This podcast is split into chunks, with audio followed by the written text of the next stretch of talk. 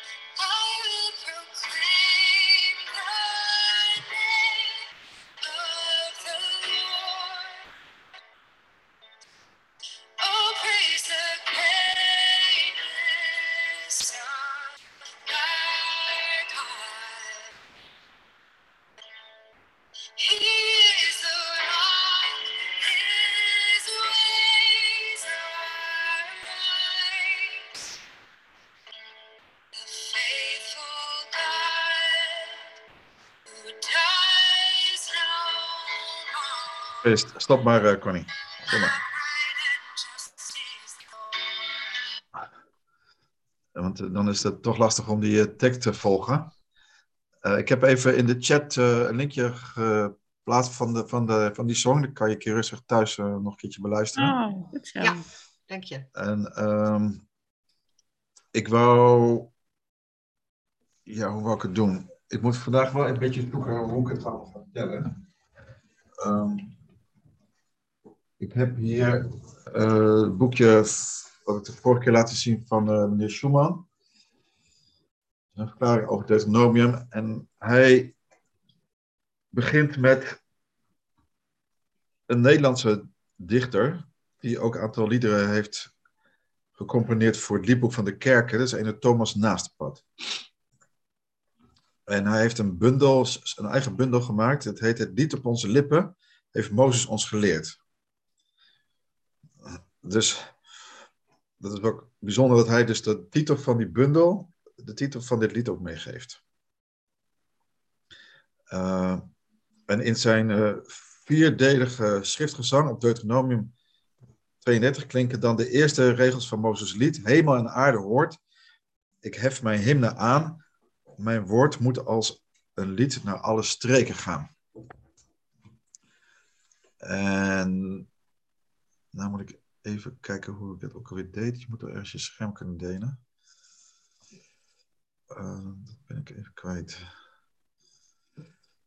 Ik zoek even op. Ik had opgezocht.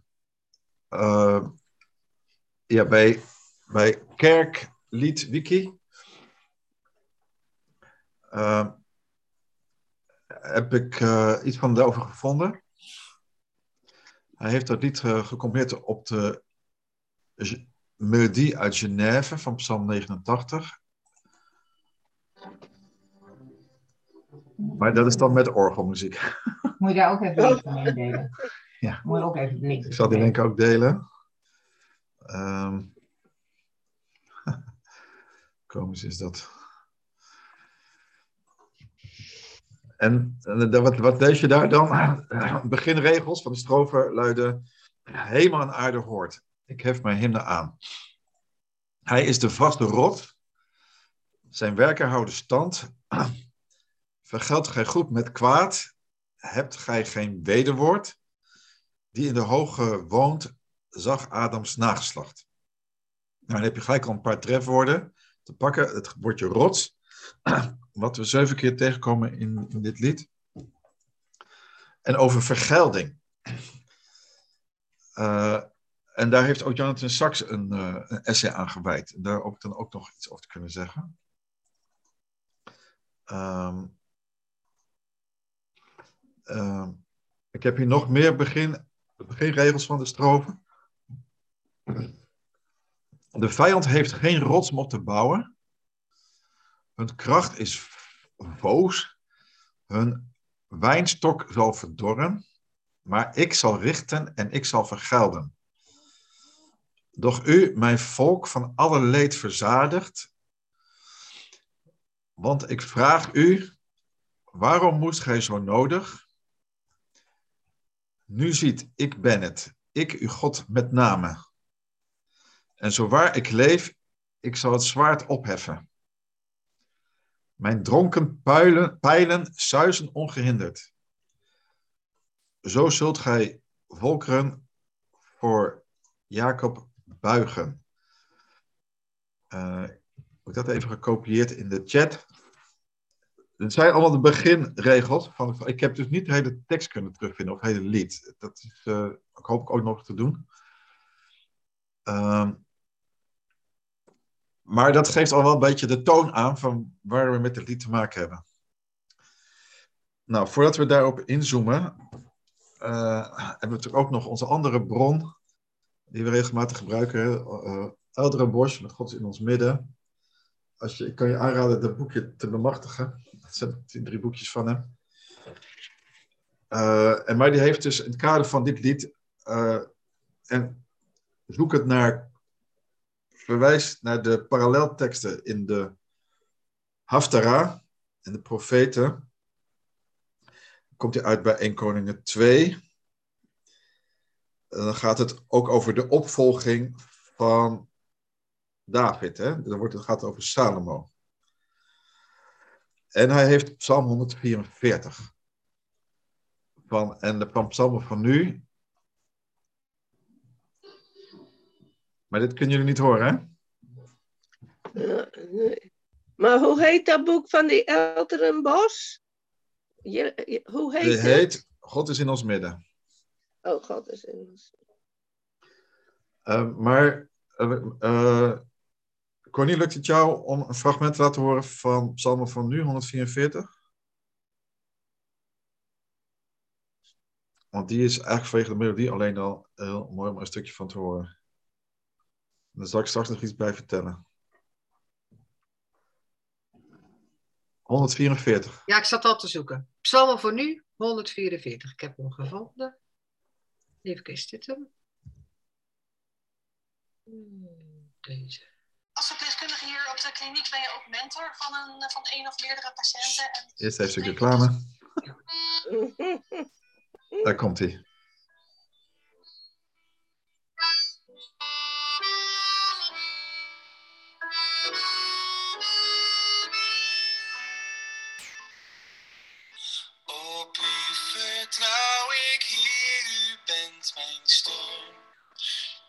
Ik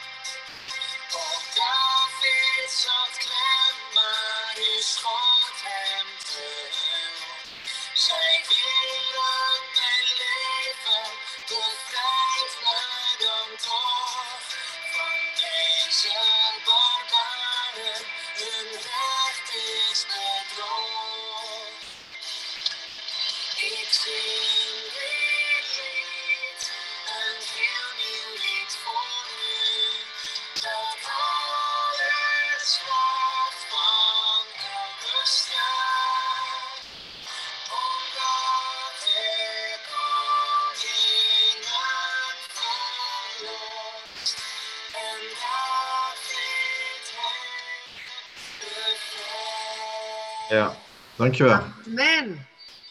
Ja, dit is wel best wel een pittig, heftige song. Oh, prachtig.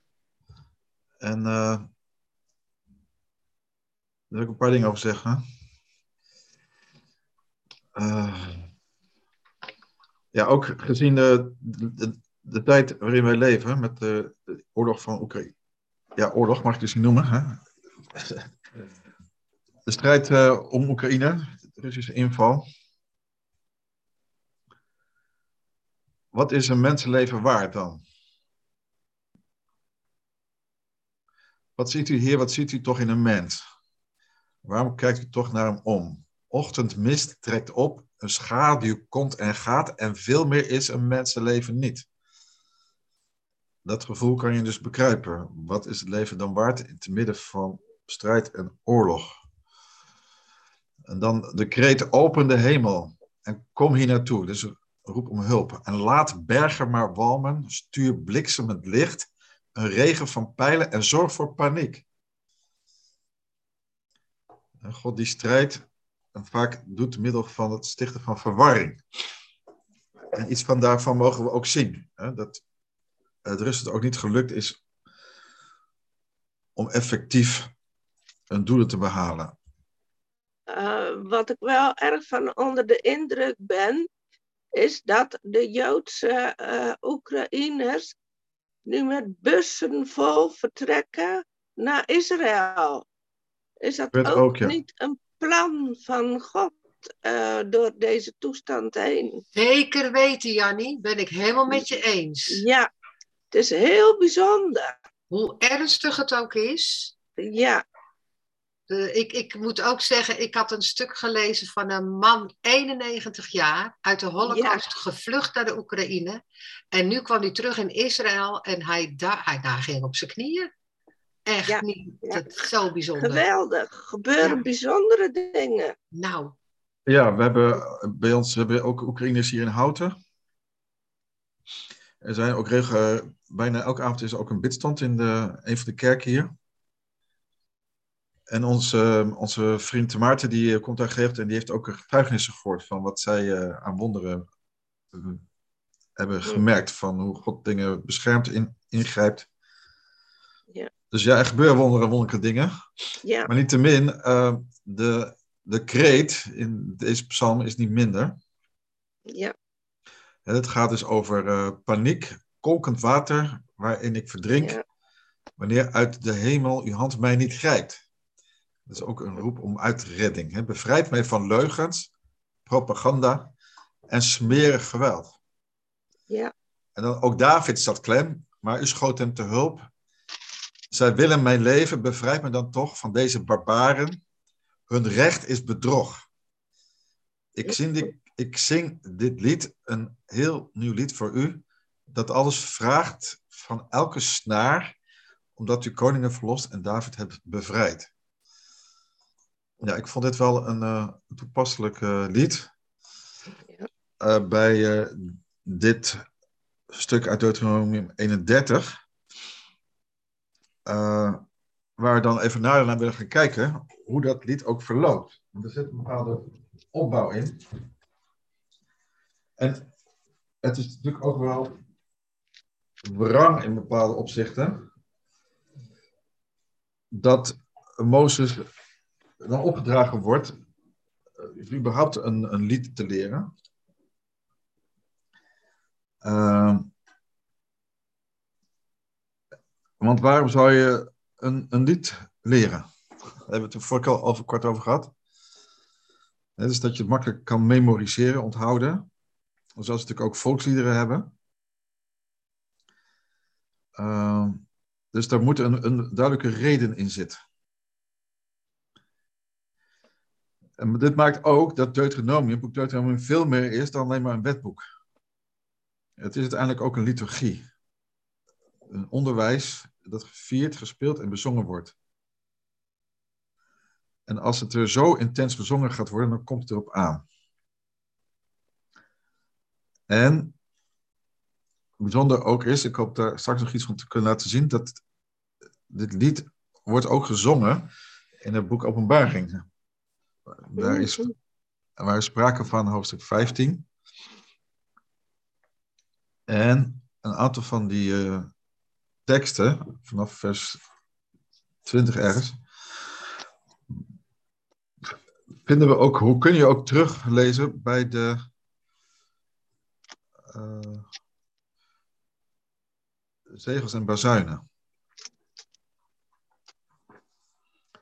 Ehm, dus daarmee is het lied van Mozes is eigenlijk ook een soort testament geworden eh, van Mozes bij, bij zijn laatste afscheidsredes bij het volk. En ik wil je ook alvast dan op wijzen, als we dit dan in gaan zoomen, dat het ook daar niet bij stopt. Dat we daarna nog een hoofdstuk 33 krijgen, waar Mozes alle stammen zegent. Dus, dus na dit, dit ernstige lied, dan stopt het niet, maar gaat het verder met zegeningen van elk van de stamleden. En ook daar kan ik een aantal, hoop ik een over te kunnen meedelen. Ja, en dan hebben we nog hoofdstuk 34, dat gaat over het sterven van Mozes. En ook daarvan heeft Johnson Sachs en andere rabbijnen indringende essays geschreven. Waar we dan in gaan zoomen op de vraag van, is dat dit nou daadwerkelijk het einde? En als dit het einde is, wat voor einde is het dan?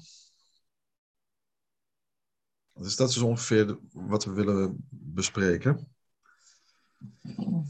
Um, en op, op, dan gaat het er ook om dat dit lied niet enig in zijn soort is. Er zijn ook andere liederen in de Bijbel. En zo weet ik niet of je weet dat ook David een lied zong aan het eind van zijn leven. Dat kun je lezen in 2 Samuel 22 en 23. En opvallend is dat ook in die liederen van David God wordt aangeroepen als rots. Wie is God buiten de Heer? Wie is een rots buiten onze God? De Heer, Hij leeft. Gezegend zijn mijn rots. Verheven is mijn God, de rots van mijn bevrijding. En zo ook dus in dit lied van Mozes. Ook hier wordt Israëls God genoemd, benoemd als rots. Vijf keer. Maar in totaal is het zeven keer. Want ook nog twee keer is, klinkt de uitdaging aan de goden der volkeren die zich ook als rots presenteren. Om het tegen hem op te nemen niet in een loos gevecht, maar in het al dan niet laten blijken bereid en in staat te zijn tot daden van bevrijding. En het is daarin dat nu tot uiting komt wie nu waarlijk God is. Dus zo het beeld van de rots speelt een grote rol in de verhaalliederen van het Oude Testament. En ik had ook een aantekening gemaakt bij een van die essays van Jonathan Sachs. Um, even kijken, kan ik dat terugvinden?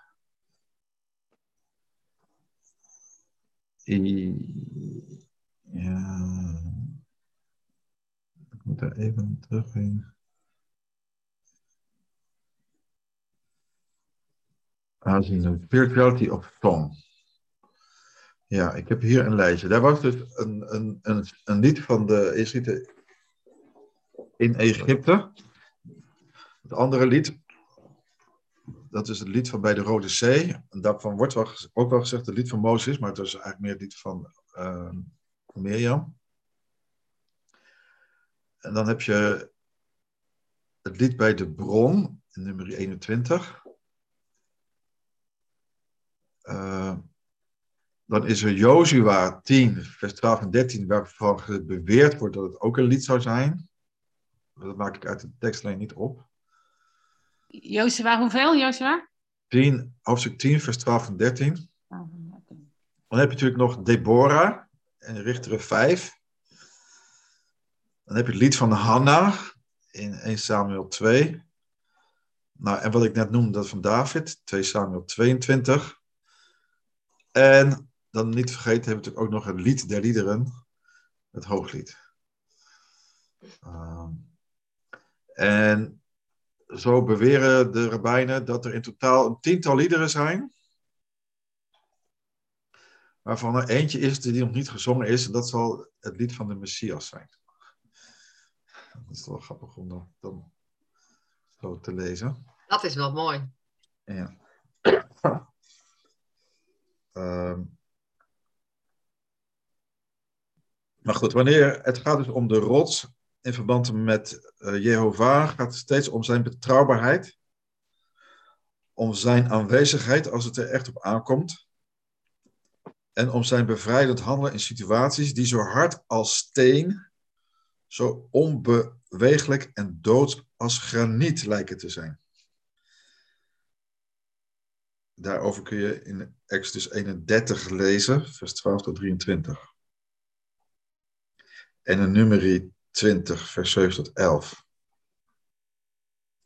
En zoals Jehovah zich onttrekt aan alle mogelijke religieuze fantasie en verbeelding, zo goed presenteert hij zich als een rots van betrouwbaarheid op de beslissende momenten en als een steen van struikeling voor wie in arrogantie meent zijn eigen weg, zijn eigen weg van onrecht te kunnen blijven gaan.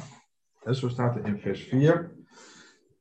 Hij is de rots, wiens werk volmaakt is, want al zijn wegen zijn één en al recht. En dan had ik over kunnen kiezen om die als lied te laten horen, want dat is uh, een lied bewerkt, een tekst die we kennen uit opwekking. Opwekking 284.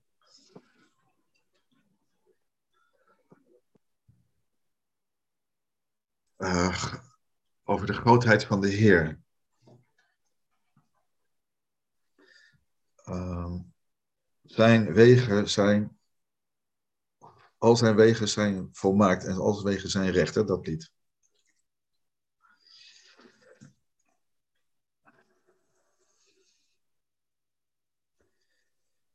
Um, ja, ik volg je nu eerst even uh, om het mezelf een beetje makkelijk te maken. uh, volg ik je even, laat ik jullie even meelezen met een aantal citaten. En dan heb ik daarna dat ik waarschijnlijk nog een keertje op terugkom. Um, waarbij de auteur die ik nu, waar ik nu bij lees, ook zegt dat het moet dus allereerst, het is, nou, hoe moet ik het zeggen? Meer dan dat het alleen maar bestudeerd moet worden, moet het vooral gezongen, gevierd en gespeeld worden. Dat is wat hij benadrukt. Nou, maar je moet toch eerst beginnen met het lezen daarvan. Van waar gaat dit over? En dan is er een opbouw waar een paar, die, van dit lied die we nu op het spoor proberen te komen. Het begint met de oproep tot hemel en aarde om getuige te zijn. Uh, en waarvan dan?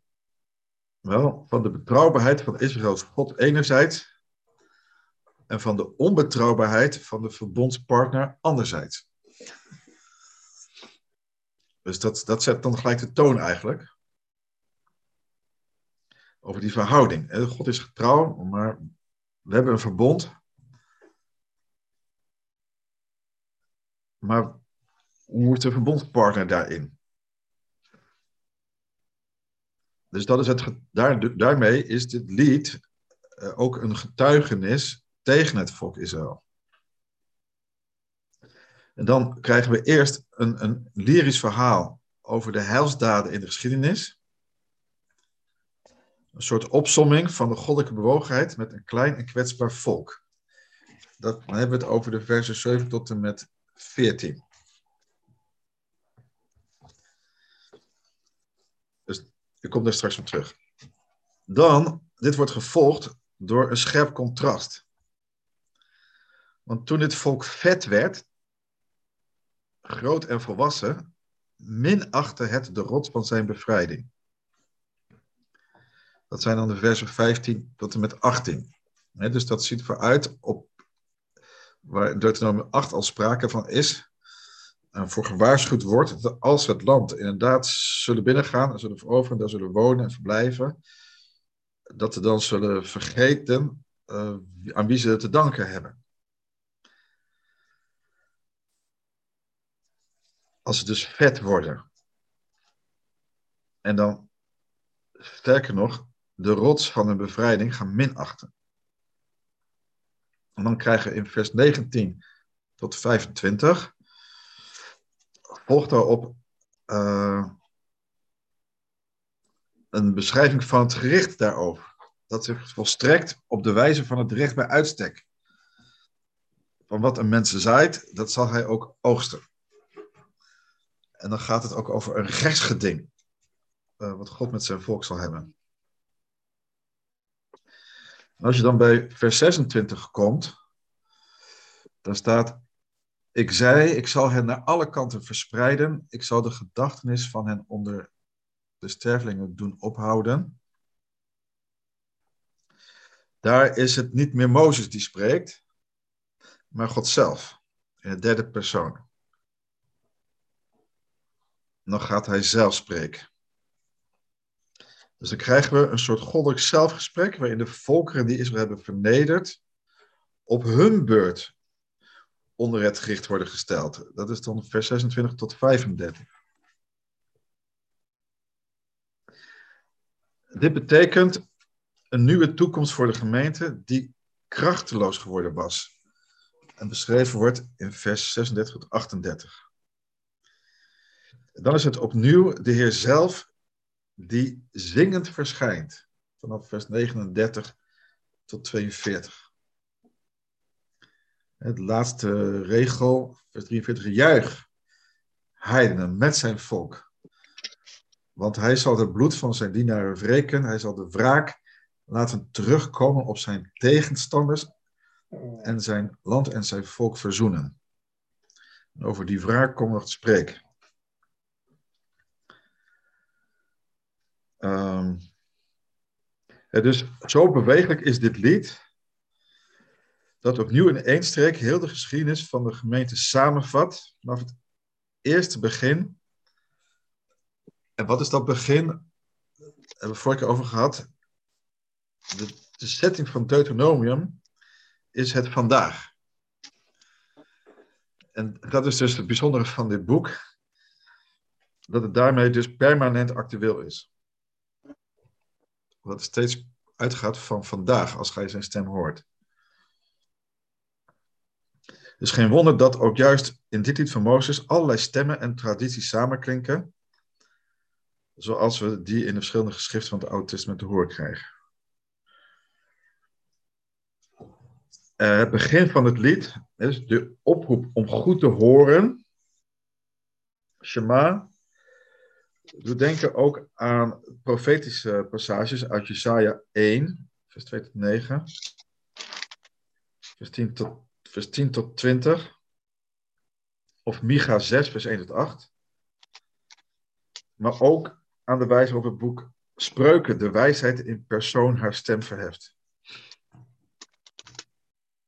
Zo is Micha 6, vers 2 staat: Hoort jullie bergen het geding van de Heer. Ook jullie onwrikbare fundamenten der aarde. Want de Heer heeft een geding met zijn volk. Met Israël gaat hij in het gericht. Dus deze auteur haalt een passage aan, en zo zijn er andere passages waar verschillende aspecten van dit lied steeds terug horen. Zodanig dat het soms haast lijkt of het gelijktijdig is. Spreuken 1. De wijsheid roept luid op de straat, verheft haar stem op de pleinen. Hoe lang nog, o dwazen, blijven jullie de dwaasheid beminnen? Uh, andere teksten roepen herinneringen op aan uh, andere oude lieden, zoals ik al noemde dat van Deborah, of de klaagzang van David over Saul en Jonathan. Um, ja, dus je zou dus eigenlijk kunnen zeggen dat het lied van Mozes een soort zo zegt de auteur dit, een lyrische theologie is van het Oude Testament, van de Tenach. Een lyrische theologie. Met echo's in de andere gedeelten van de profeet. Nou, gaan we nog een keer kijken naar vers 1 tot 6. Nog een keer, hemel en aarde worden als de oudste getuigen van de schepping opgeroepen om getuige te zijn bij het geding van God met zijn volk. Dus dat je hemel en aarde aanroept, ja, wat kan je nog meer doen? Want hij heeft zich, want God heeft zich gemanifesteerd in zijn hoogst persoonlijke eigen naam. Jehovah. En alles wat in die naam begrepen is. Ehm, vers 3 en 4. eh, Vers 3, want ik zal de naam van Jehovah uitroepen. Geef grootsheid aan onze God. Die naam die van zichzelf zegt dat hij er zal zijn. De gemeente zelf heeft zich echter gemanifesteerd als een dwaas en onwijs volk, vers 5. Doet u dit, Jehovah, aan, dwaas en onwijs volk? Is hij niet uw vader, die u verworven heeft, die u gemaakt heeft en u tot stand heeft doen houden? Hè? Wat doe je als je in opstand komt tegen je vader?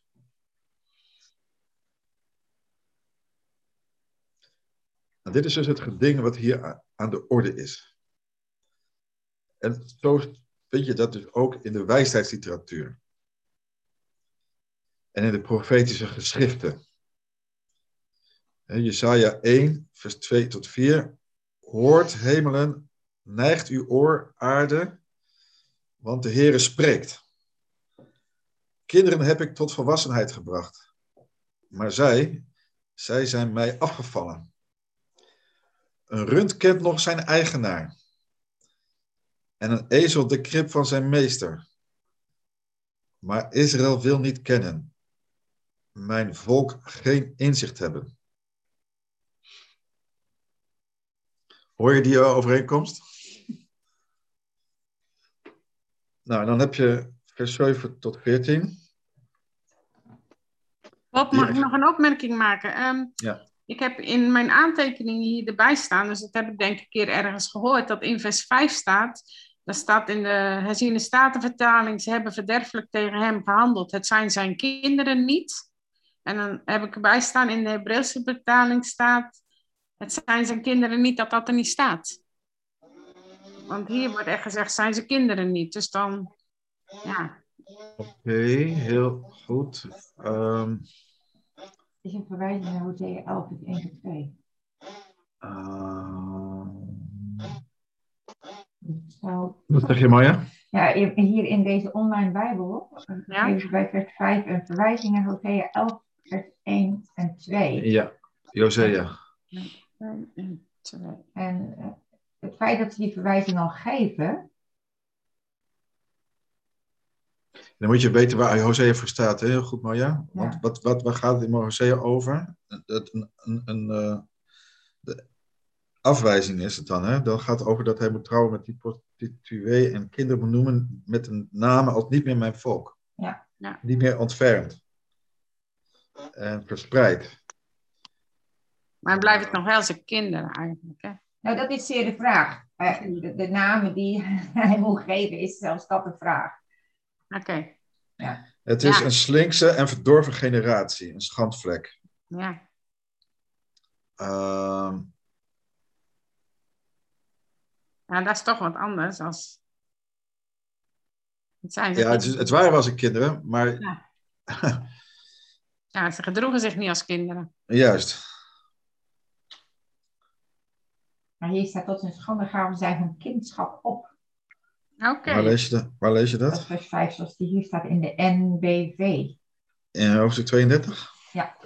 Nou, het is sowieso raadzaam om verschillende vertalingen te vergelijken. Ik heb dat van bij het hoofdstuk 2 nog niet zoveel gedaan, maar wel bij hoofdstuk hier, eh, 33 heb ik een paar voorbeelden. En eh, dan- merk je ook dat hier en daar, zelfs de rabbijnen niet goed weten hoe ze bepaalde teksten moeten uitleggen. Eh, en dat je soms zelfs sprake is van corruptie van teksten, in, dat in de overlevering van de tekst soms iets mis is gegaan. Uh, Want, in, de, in de Groot Nieuwsbijbel, heb ik hier toevallig ook nog liggen, daar staat maar zijn eigen kinderen niet waard zo genoemd te worden. Ja, kijk, dan heb je al een verzachting daarvan, ja. ja. Dan wordt het al een interpretatie waar we dan misschien uh, beter mee uit de voeten kunnen. Eigenlijk wel, ja. ja dat wil je ja. misschien ook. Het is niet in absolute zin dat het helemaal zijn kinderen niet, niet, nooit zijn geweest.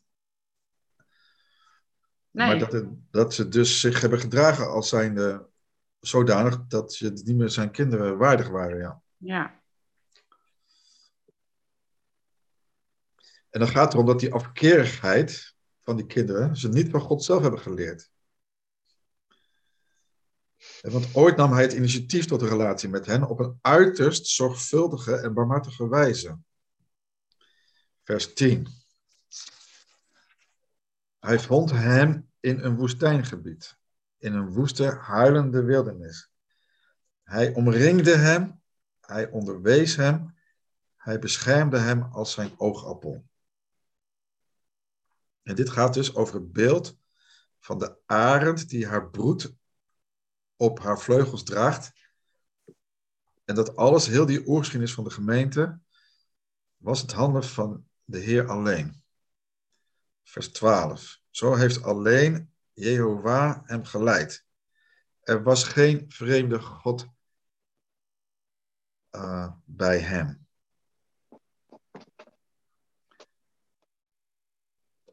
Uh, iets vergelijkbaars, zo'n beschrijving van de heilsgeschiedenis van dat eerste begin, kun je ook vinden in Ezekiel 16.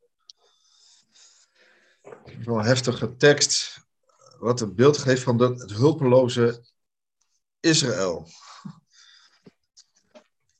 Uh, over, oh, hoe heet het? Als moeilijk uit te spreken, die namen daar. Over, dat gaat over de ontrouw, straf en het stel van Jeruzalem. Uh,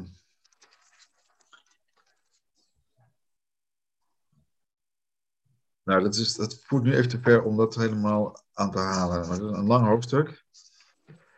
En daar wordt eigenlijk uh,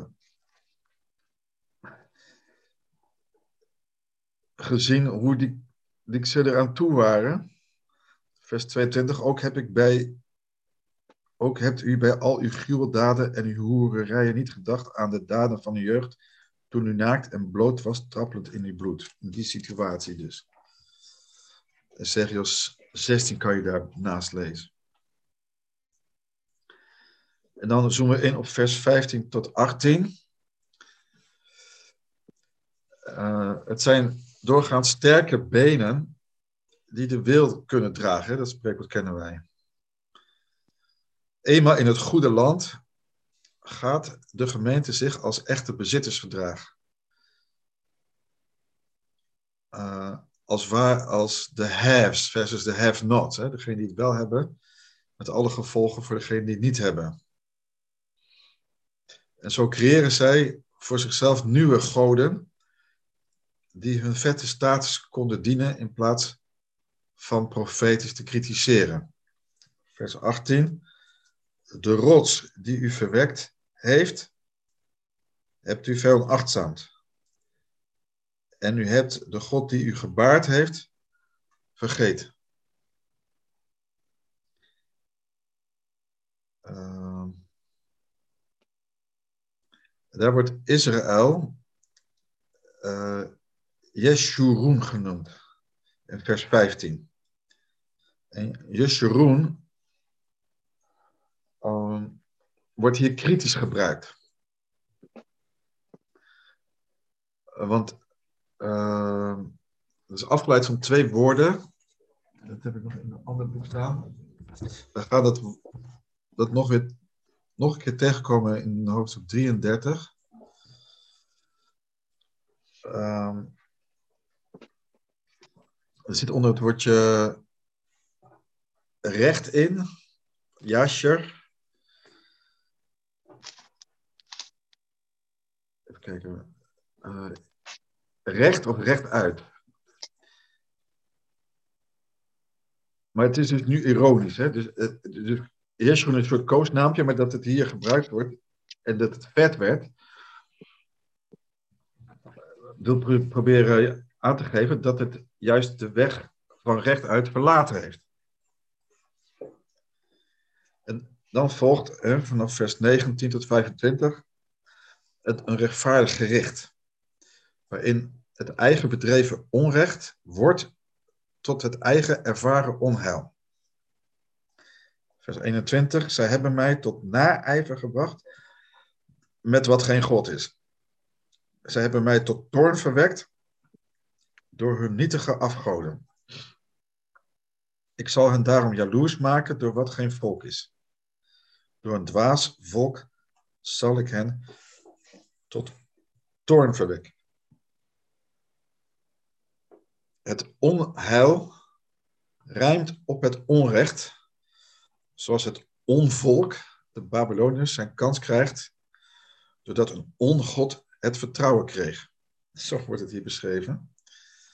Dus op dit punt in het lied gekomen, zitten we hier dus in het dieptepunt van de ballingschap. Dat ook hier op profetische wijze als gericht over eigen kwaad wordt afgeschilderd. God die komt oordelen middels een ander volk. Waarbij ik geluiden hoor van mensen, ook voorgangers, die beweren dat ook nu dat het geval is bij Rusland versus Oekraïne. Dat vind ik een heel gevaarlijke stelling. Als zou elk ingrijpen van aanval van een volk in andere volken altijd gericht zijn. Door God ondersteund. Ik denk dat vind ik heel gevaarlijk om, die, Dat is heel gevaarlijk. om dat soort denken Ja. op na te houden. Hey, Jeshurun, Ja. even opgezocht toch? Eh, De upright one. Ehm, zou je dat mogen vertalen met de hij degene die rechtop staat? Oftewel, Klopt. misschien wel Israël die denkt op dat moment het zelf wel te kunnen? Ja. Ja? Het boek van Jascher, het boek des oprechten, heeft hetzelfde kernwoord. Omdat ook in die tekst eh, zie je gewoon dat dan kan je ze vetten vastig, vatsig, verzadigd, dicht, dicht, dik en rond. En dan lopen ze van hun schepper weg. Oftewel, ze denken het wel zonder hem te kunnen. Ze, ze staan rechtop, Juist. denken van nou kan ik het wel wel. Ja. Dat Ja, ik heel goed gevonden. Ja, ik heb ergens, dan moet ik nog even verwijzen. Ja, smaden zijn sput en steun en rots. Ja. Moet ik ergens nog iets hebben? Er nog precieze uitleg. Terugvinden. Misschien dat ik straks nog. Oh ja, ik heb hem gevonden. Hier. Ehm, het, het, het gaat terug op het woord sure. Enerzijds. En het woord jaartjaar anderzijds. Sure betekent zien. Je hoort het niet zo goed, Bob. Ja, ik zal voor de microfoon komen. Dankjewel. Het woordje sure betekent zien aanschouwen. Als in I see it but not now. I perceive it but not in the near future. Uh, nummer 24 vers 17. Ehm, dus dan gaat het over aanschouwen van iets wat je, wat, iets wat je de toekomst zal gaan zien, maar nu nog niet met eigen ogen kan zien. Dat is, dat, dat is het gedeelte van het woord sure.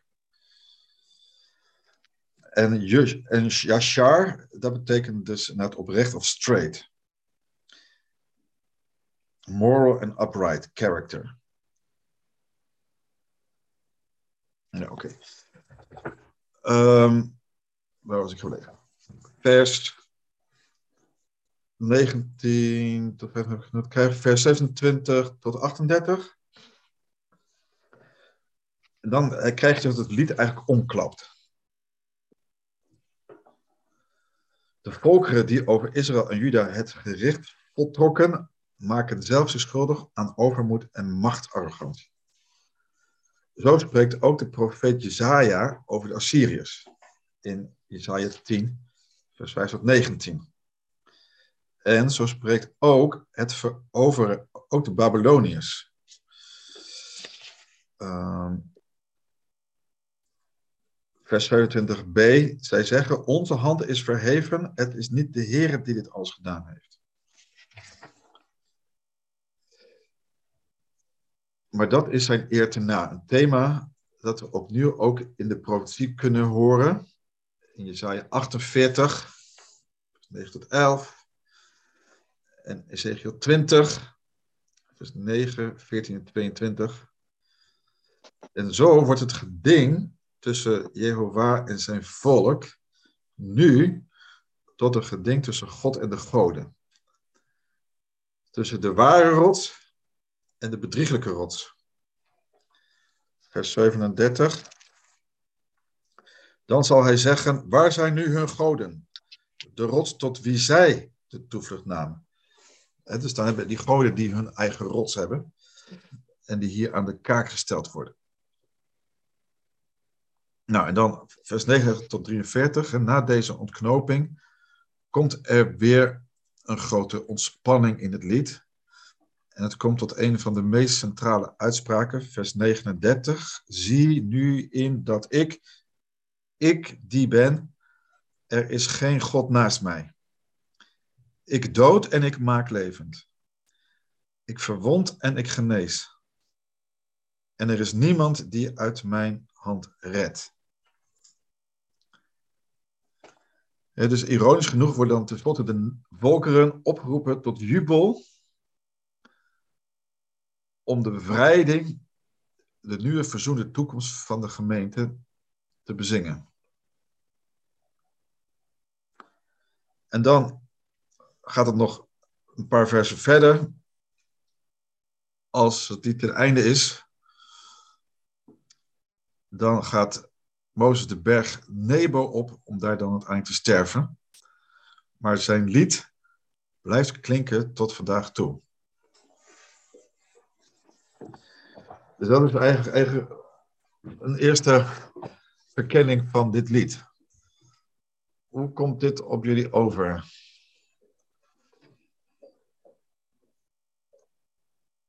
Nou, het is ook niet eenvoudig. Hier moet je diep over nadenken. Er zit zoveel in. Hè? Dus. Uh...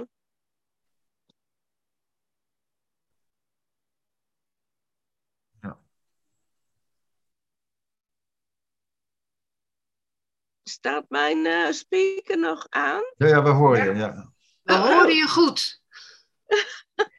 ja, het is, uh, het is niet eenvoudig. Hè?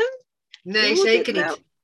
Je moet het wel een aantal uh, keren uh, lezen. En dat er zoveel zit in, de, in, in dit lied. Hè, dat, uh, ja.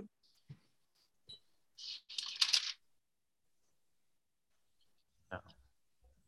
Ik heb, het, ik heb hier nog het lied, een apart document van gemaakt. waar en ik alle kopjes heb aangebracht. Mm. En ook kleurtjes. Om uh, de verschillende aspecten van het lied uh, te kunnen weergeven. Mm. En wat misschien helpt is als ik het nog een keer langzaam op basis van de, de kopjes. Mm. Uh, ja, dus het begint dus met luister, goed te luisteren. Leent het oor, hemelen. Het oorlenen is, is ook een typische Joodse uitdrukking. Uh,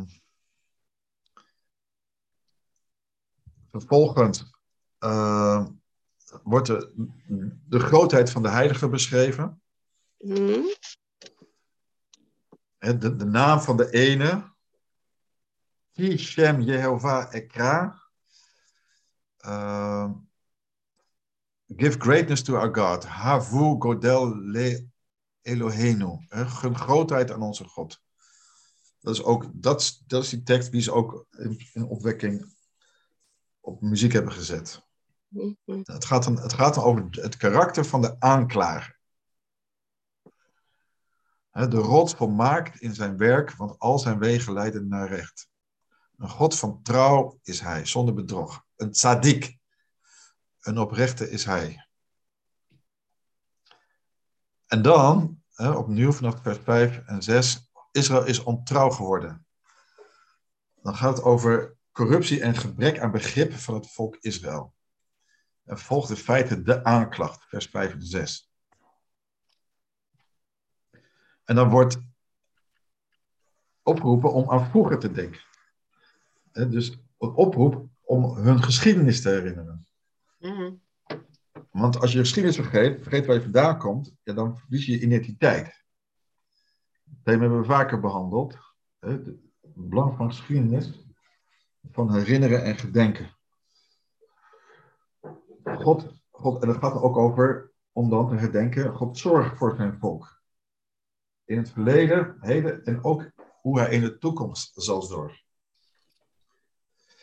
En dan is er iets nog merkwaardigs aan de hand in vers 8 en 9. Als je de Septuaginta daarop na zou slaan.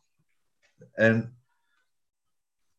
kopieën uit Qumran, van de Dode Zeeroller. En dan gaat het over vers 8 en 9. Toen de Allerhoogste aan de volken het erfelijk bezit uitdeelde, toen hij Adams kinderen van elkaar scheidde, heeft hij het grondgebied aan de volken vastgesteld, overeenkomstig het aantal Israëlieten. En nu is de vraag, uh, kijk of ik is goed heb staan. Ja, we hebben het hier over Adams kinderen en Israëlieten. En vertaling gaat over de zonen van God. En dan heeft de Septuaginta heeft in plaats van zonen van God de engelen van God. Hmm. Uh, en in plaats van zonen van God is er dan sprake van goden. Uh,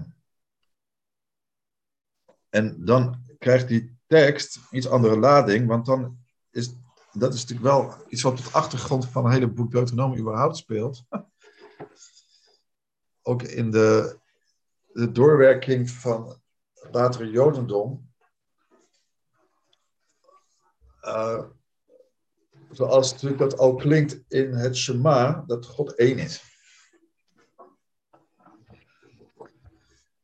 Tegenover psalm 82, als ik niet vergis, waar sprake is van God die zit te midden van de goden.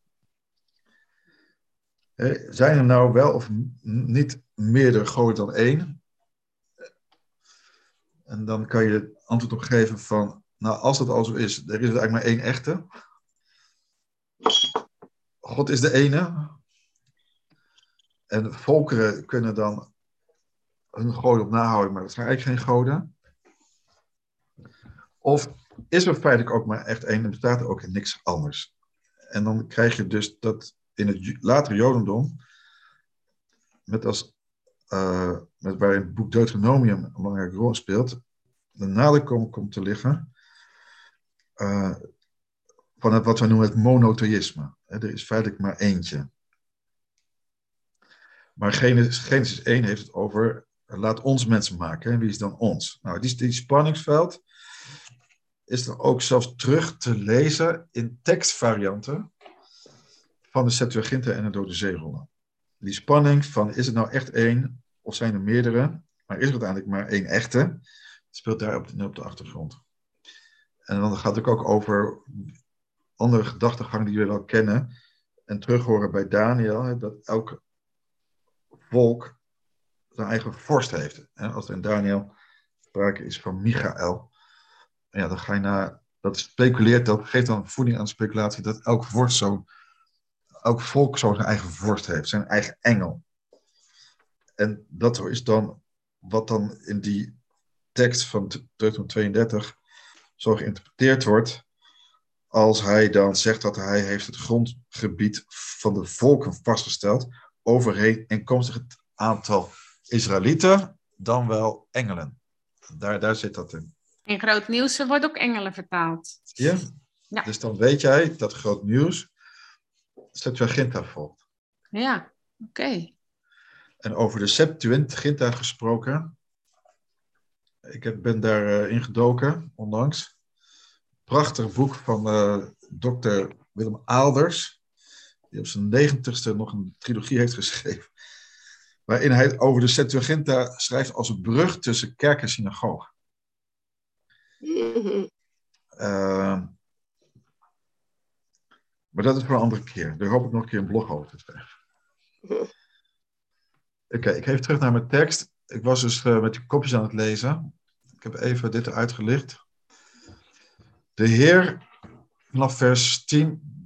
De Heer zorgde voor zijn volk. Eh, hij, bracht hen van niets tot grootheid.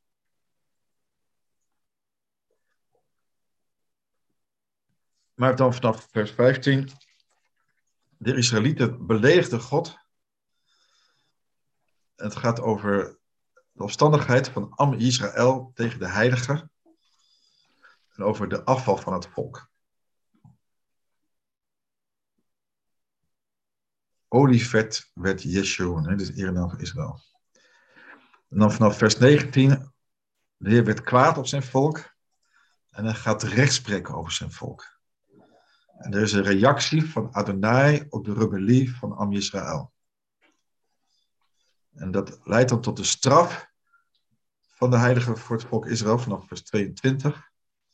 En want een vuur is aangestoken in mijn woede en brandt tot in het schimmerrijk beneden. Het vreet het land op en wat erop groeit, het verschroeit de grondvesten der bergen. Ik verzamel tegen hen kwellingen mijn pijlen schiet ik tot de laatste op hen af. Zijn ze uitgeput van honger, verteerd door koorts en bittere pest, dan laat ik de tand van dieren op hen los, met het venijn van de kruipers in het stof. Op straat maakt het zwaard kinderloos en binnenskamers ontzetting, zowel jonge man als maagd, zuigeling en grijsheid samen. Deze verzen 22 tot 25, die spelen echo's daarvan. Dat is de tekst die je kunt terughoren bij de, in de openbaring, bij uh, respectievelijk de zegels, bazuinen en schalen. En uh, daar is een website over. Uh, even kijken, had ik die nou geopend? Dan moet ik het even opnieuw doen. Dat zal ik even delen. Uh, ja, hier. Er is een website, het heet Revelation Scriptures. Waar je in kleuren het kan terugzien. Uh, ik had ook een afbeelding daarvan. Um, afbeeldingen, die zal ik ook eventjes delen. Op, uh, kopiëren. Kopiëren. Plak en dan.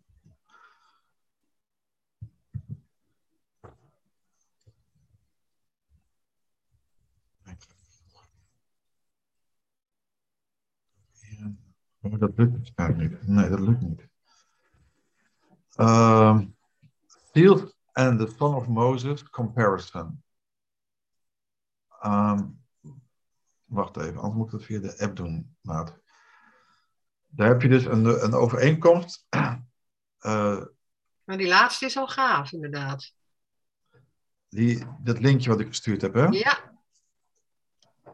Echt heel mooi. Oh, daar zie je ook uh, die, die, die uh, figuurtjes. Ja, dan zie je de Song of Moses en dan Openbaringen 15 en de Song of Moses, de Song of the Lamb. Hartstikke gaaf. Oh ja, daar, daar, hij staat er wel bij, ja. Ja. Uh, all seven seals in the Song of Moses comparison. En het, het legt ook nog een parallel met Matthäus 24. Ja, klopt. En dus dat eerste zegel gaat dan over de witte paard en de ruit op paard met een, met een bow. Wat is bow? Een Boog. boog, ja. En een kroon was hem gegeven. En hij kwam over, veroverend en veroverend. Eh, en dan is de, de vraag vaak, hoe moeten we dat, dat verstaan? Die eerste zegel uit de openbaring. En dan wordt er verwezen dus naar op Deuteronomium 32. Vanaf vers 23. Eh, over, want een boog is één ding. Maar bij een boog heb je ook pijlen nodig. Mhm. En die worden in openbaar niet genoemd. Wordt alleen maar genoemd die een, een boog heeft. Oh, maar dat is gaaf zeg. Het is, ge- dit, dit is helemaal visueel, dan snap je het. Precies. En I will spend my arrows on them. Zegt 23, vers 23. Ja. Ik, zal, ik zal verschrikkelijke dingen over hem ophopen. Al mijn pijlen schiet ik op hen af. En dan 24. eh, they shall be wasted with hunger. Dus, dus achtereenvolgens krijg je dus pijlen, honger, ziekte en het beesten en het zwaard. Dus de beschrijving van die zegels heeft overeenkomst met wat je hier in Deuteronomium leest over achtereenvolgens. Dus die pijlen, het zwaard, honger, ziekte Nee, en wraak. Vengeance. Hem, en dat zijn, zijn pijlen hem zelfs dronken maken met bloed. Zie je, dat, ver- zie je die ver- verband? Ja. Dus als, als het lied van Mozes wordt aangehaald in openbaring 15. Dus wat is de situatie daar? Hè? Het volgt logischerwijs op hoofdstuk 14. nou, wat is dan belangrijk om van te onthouden, mee te nemen? Hoofdstuk 14 spelen in hoofdzaak twee dingen. Ehm, het gaat over een zevental engelen met hun oordelen, waarvan de middelste Yeshua zelf is. Hmm, Verderop zetten ze zelfs Matthäus 24 er nog naast. Ja, dat zei ik. Maar je kunt de parallel ook trekken met Matthäus 24. Tegelijkertijd, eh, hoofdstuk 14 openbaring, eh, heb je een beschrijving van de drie oogsten. En er worden dan de, de engelen uitgezonden om de oogst binnen te halen. Maar het begint dus eerst met de 144.000, hè, de eerstelingen. En dan hebben we, het volgt het patroon ook van de, achter, de drie oogsten die het volk Israël heeft, waarom ze moeten optrekken naar Jeruzalem. Dat is dan met Pesach, met Shavuot, Pinksteren en met Sukkot, met Loofhuttenfeest. Drietal oogstfeesten die daar beschreven worden. Hè, en dan waarbij dan aan het slot ook de perskuip getreden wordt. Perskuip waarin druiven tot bloed worden. Dus het gaat ook over een oordeel. Dus oogst en oordeel. En dan is het goed om dan vers 15, hoofdstuk 15, vers 1. Daar zijn bij, is bijeen verzameld. Dan staan ze de, iedereen uit die oogst. Die staan bij elkaar op de glazen zee. Koperen wasvat. Dus in het kader van de tempel op is dat de plek voordat ze priesters het heilige ingaan. Ze staan dan nog buiten de tempel.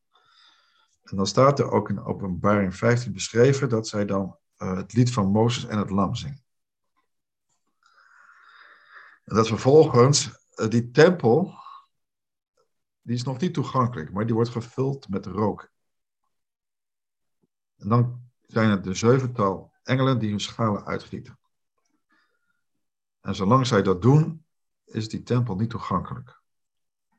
En pas daarna wordt er gezegd, het is finished.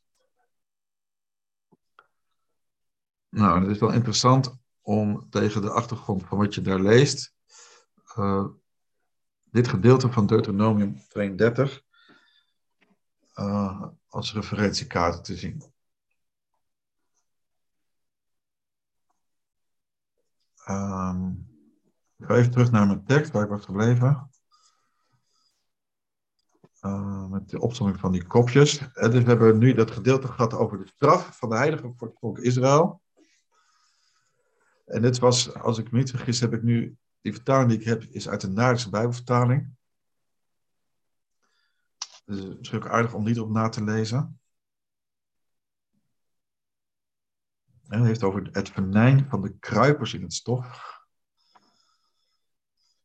En dan vanaf vers 26 tot 38 gaat het over Gods bedenkingen bij de ondergang van zijn volk.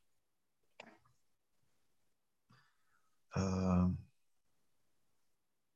en dat, dat doet er ook denken aan Mozes, die dan hier ook tussen beiden komt als God zijn volk wil vernietigen bij het gouden kalf. Dat God zich laat verbidden. En vers 26, ik zei al, ik sla ze in splinters. Ik snijd hun gedachtenis bij de mensheid af. Waar het niet dat ik de hoon van een vijand vreesde, dat hun benauwers het zouden miskennen, dat ze zouden zeggen, onze geheven hand en niet de ene heeft dit alles verricht. Dus om de verwijt van de volkeren te voorkomen van wat is uw trouw waard als het gevolg is dat uw volk vernietigt, wie bent u dan? Kreeg je dus ook bedenkingen bij de ondergang van zijn volk, Gods bedenkingen bij de ondergang ervan. En gaat het in op de valse veronderstellingen van de vijanden van Israël betreffende hun straf. Want vers 28, want een volk verstoken van beraad zijn zij, er is bij hen geen verstand. Ach, waren ze wijs, ze zouden dit begrijpen, ze zouden iets verstaan van een toekomst. Maar dan kan God de vijanden niet laten winnen. Of, nee, God zou dat kunnen doen, maar hij doet het niet. En want hun rot is niet als onze rot. Onze vijanden kunnen er niet over oordelen, vers 31. En God zal de vijanden straffen. En dat is dan ook steeds de bron van het lijden van het volk Israël. Omdat hun wijnstok een wijnstok van Sodom is, van de heilige van Gomorra, van de hellingen van Gomorra komt, giftige besjes zijn hun druiven, trots een bitterheid krijgen ze. Gloed van draken is een wijn, gif van adders meedoogloos. Ligt het niet opgeborgen bij mij, verzegeld in mijn voorraden? En dan volgt het wel, over, het wel overwogen antwoord van Adonai. Aan mij de wraak de vergelding, ten tijde dat hun voet wankelt. Ja, nabij is de dag van hun ongeluk. Wat voor hen klaar staat, haast zich. En dan, de Heere is de enige God. God die dan in ere hersteld wordt, vanaf vers 39. De straf van de, van de vijanden van Israël, die daar volgt. En dan de afsluitende woorden op het lied van Mozes van vers 44. En Mozes die nog eenmaal het volk waarschuwt met een laatste aanmaning. Uh, zegt tot hen, houd uw hart bij al de woorden die ik heden bij u heb betuigd. Dat ge uw zonen zult gebieden om te bewaken, om te doen. Alle woorden van dit onderricht. Want het is geen leeg woord, dit voor u, nee, dit is uw leven. Met dit woord zult ge uw dagen verlengen op de rode grond, waarheen ge de Jordaan oversteekt om haar te beërven. Oké, uh, even een moment pauze. Oké, goed. Um, ja, nog even over het slot van openbaring van Deuteronomium 32. Um, dus open, Deuteronomium begon met de zin, dit zijn de woorden hè, van Mozes. En dan is het de laatste vermaning aan zijn volk, vers 47. Want het is geen woord zonder inhoud voor u, maar het is uw leven. En door dit woord zult u de dagen verlengen in het land waarvoor u de Jordaan oversteekt om het in bezit te nemen. Nou, en dan heb ik iemand die hier dus op reageert van, oké, prachtig, laten we hier stoppen. Dit is een mooi slot. maar het gaat nog verder. Het zegt hen hun harten, een hart op het, de woorden van de Torah te vestigen en ze aan hun kinderen te leren. Dus opnieuw even belang van het onderwijs aan de kinderen. En het verklaart dat de, gezond, dat de gehoorzaamheid aan die woorden uh, het, hun verblijf in het land zou verlengen. Maar, schrijft iemand, nu hebben we toch wel een probleem. Uh, waar wij nu mee geconfronteerd zijn. Want op dit punt van het lied, waarin de hemel en de aarde zelf getuigen zijn, lijkt dus eigenlijk een vreselijke cyclus te zijn. Een cyclus waarin de, hoop, waarin de loop van de tijd verwoestende gevolgen zullen worden opgelegd aan het Joodse volk. Je, je moet dit lied leren, maar je leert, je zingt over je eigen toestand. En wordt het dan goed begrepen? Ze zullen de betekenis wat er gebeurt verkeerd begrijpen. Voor hen zullen ze zichzelf, ze zullen zichzelf halve waarheden vertellen, dat God niet met hen is. Maar dat is niet de hele waarheid. God is met hen, te midden van die situaties. Het legt dus een waarheid neer. Stel, nadat Joden begrijpen dat God hen niet vrijwillig verlaat. En vervolgens een eigen aandeel gaan begrijpen in het bewerkstelligen dat God hen in, in een, aandeel, een eigen aandeel gaan begrijpen in het, hun idee van dat zij bewerkstelligd hebben dat God hen verlaten heeft. Nou, en als je dat op je laat inwerken, dan kan je dus voor de vraag komen, oké, en wat nu? Je realiseert die waarheid. Deze waarheid, God verliet je omdat jij hem eerst verliet. Nou, geweldig. Het is allemaal mijn schuld. En hier voel ik me alleen. Als natie hebben we de ontberingen en nationale verwoestingen doorstaan. Maar waar laat ons dit achter? Nou, die vertwijfeling, hè, dat is natuurlijk ook wat je elk jaar uh, wordt het, komt het terug bij, zoals ook in klaagliederen leest, Tishba af. En als we gaan kijken naar de geschiedenis van het Joodse volk, ook na het christendom, de vervolging van de Joden, de vertwijfeling. En er is, dat is in een essay waar Jonathan Sachs op ingaat. Uh, als het gaat over de wraak van God. Uh, even kijken of ik dat terug kan vinden. Uh, Want, en dan benoemt hij in een essay over vengeance, wraak, dan benoemt hij hoe in de eerste eeuw wij een Marshall hebben gehad, die gelukkig wel als een ketter is uh, benoemd, maar hij vergeleek de God van het Oude Testament als de God van wraak en de God van het Nieuwe Testament als de God van liefde. Ze krijgen die, die, die tegenstelling die toen gecreëerd werd, alsof God zou veranderen. En dat heeft dan ook te maken met het hele idee van wraak. Van hoe kan de, de God die we leren kennen in Jezus dezelfde God zijn die dan getypeerd wordt als iemand die ook God van wraak is. En wat als dat niet zo zou zijn? Als God geen God van wraak zou zijn, nou dan wordt het gauw duidelijk dat mensen dan zelf een eigen manier van wraak vinden. Want er is altijd een kwestie van dat je belaagd wordt of in oorlog terechtkomt, een strijd komt. En dan is natuurlijk de, de vraag van ja, maar uh,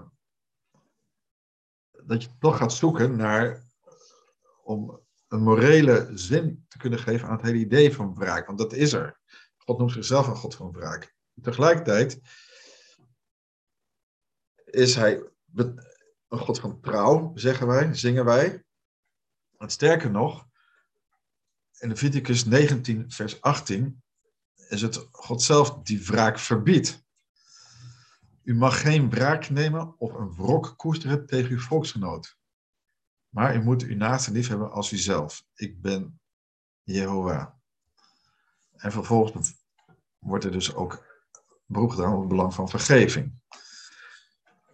Nou, en wat moet je dan met dat, die tekst van vers 40, dus hoofdstuk 32, vers 40 tot 43, waarin van God beschreven wordt als, als een God die een God is van wraak. Hè? Die, als ik mijn, mijn glinsterend zwaard wet, mijn hand het grijpt voor het oordeel, zal ik de wraak laten terugkomen op mijn tegenstanders. En het hun die mij haten vergelden. Ik zal mijn pijlen dronken maken van bloed. En mijn zwaard zal vlees eten van het bloed van de gesneuvelde en de gevangenen, van het hoofd van de vijand met zijn loshangende haar. Wat daarvan te maken? En uh, Jonathan Sachs heeft dus ook een ander boek uh, geschreven, en niet in mijn naam. Het is een boek wat echt ingaat op het probleem van geweld in naam van God. En dan moet je denken aan de kruistochten wat dat heeft teweeggebracht. En dan moet je denken, en dat beschrijft hij ook, wat de Joden hebben. Hoe reageer jij als je vals beschuldigd wordt van de, blo van bloedsprookje? Dat je als Jood beschuldigd wordt van het van de bronnen. En hij beschrijft ook een, een, een christelijke theoloog, Wolf, en Maurice Wolf uit Joegoslavië, die over het thema heeft geschreven in de tijd van Srebrenica. Als je dus zelf slachtoffer bent, en je bent getuige van allerlei verschrikkingen, heb je dan niet de neiging om terug te gaan, om wraak uit te oefenen. Maar eindigt straks een essay ermee dat het niet aan ons is om wraak uit te oefenen. Dat het alleen God zelf is die de wraak toekomt. En hoe moeilijk dat ook is. Want hoe stop je geweld? Uh, moet je dat dan gaan vergelden? Moet je bidden en God de wraak laten toekomen? Dat is dan een thema wat hier op de achtergrond speelt. Waarin steeds trekking is om. Uh, ja, wraak is dan vooral natuurlijk een manier dat recht geldt.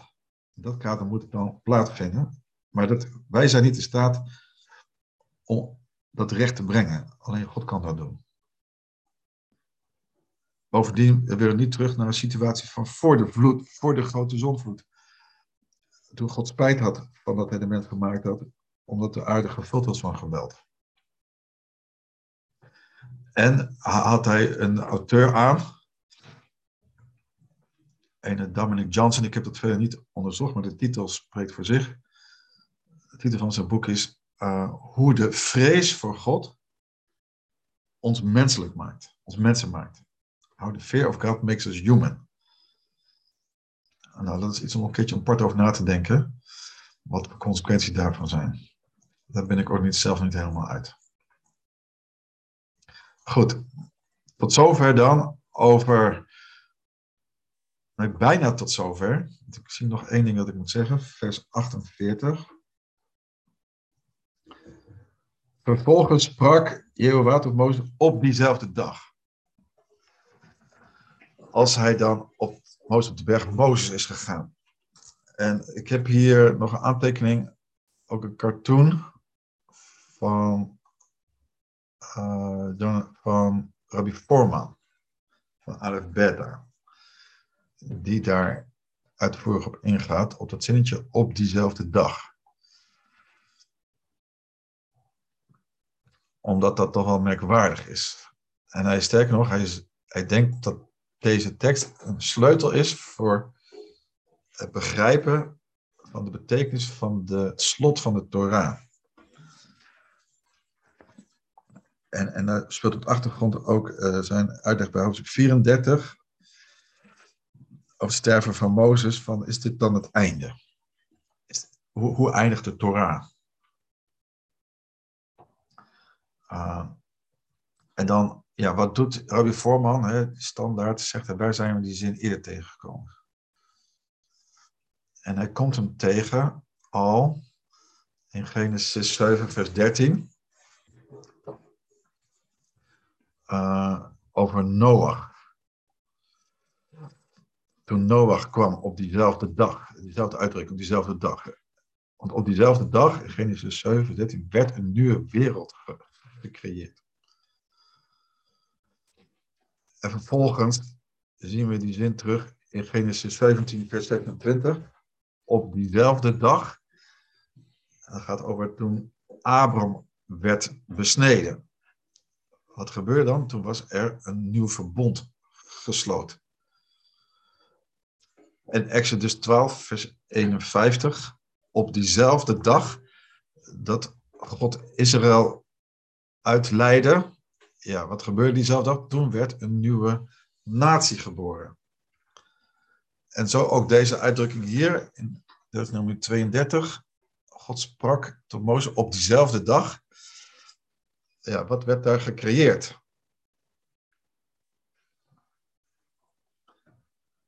Een nieuwe situatie. Gods testament, uh, Mozes testament van Mozes, is wat hij hen achterliet. En een, toek, een uitzicht biedt op de toekomst. En Van een land. Dan is, het, en dan is het ook bijzonder om dan in dat kader ook Psalm 90 te lezen. Je, je weet, het psalm van Mozes zelf is ook wel een, een, een scary prayer en geeft ook hinten over zijn afscheidsreden. Het psalm die start ook ehm, bij Mozes gebed bij het gouden kalf en eindigt ook met de zegen van Mozes.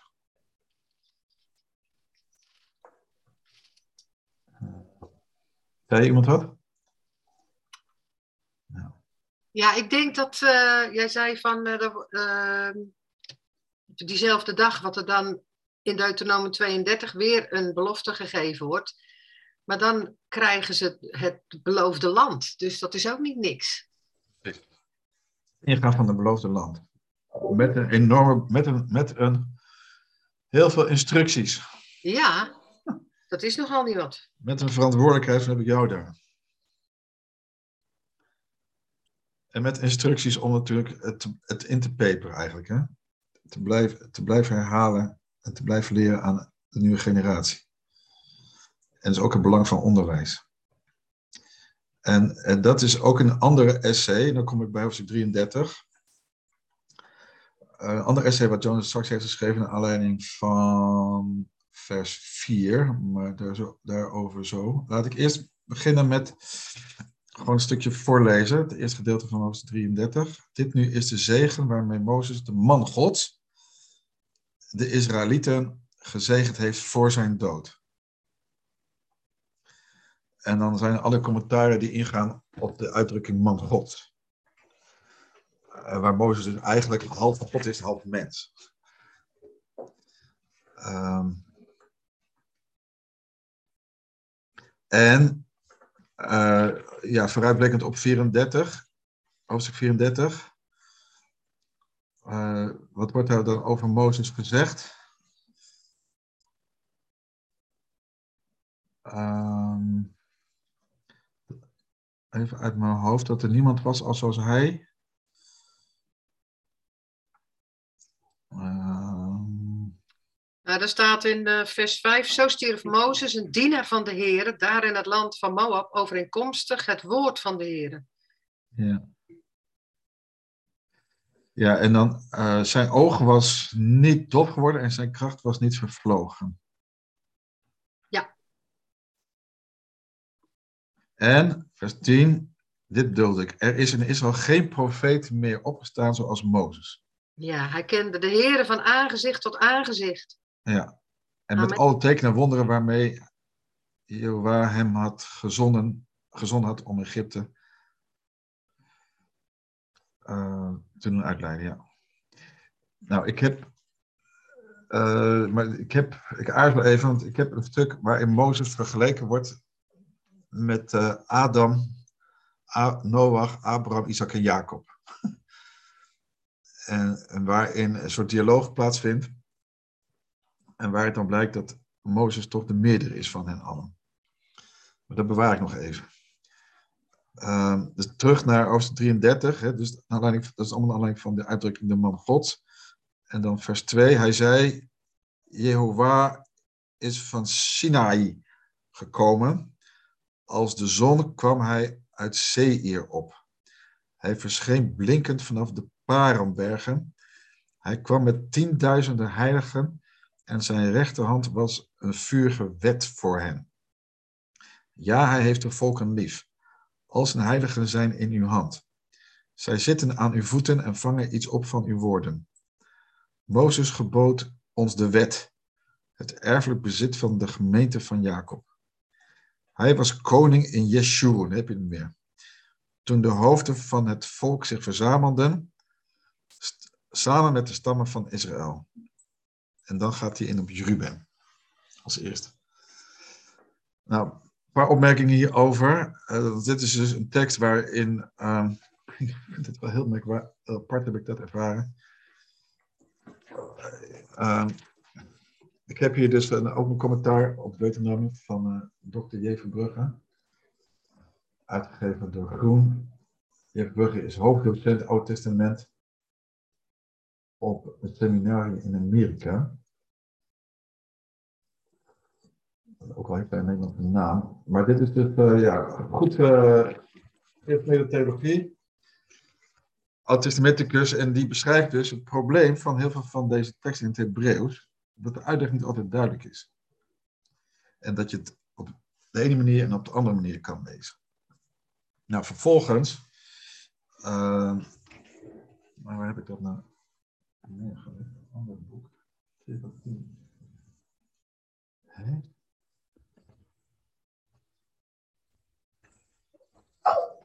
Kan ik wat hier? Eén moment.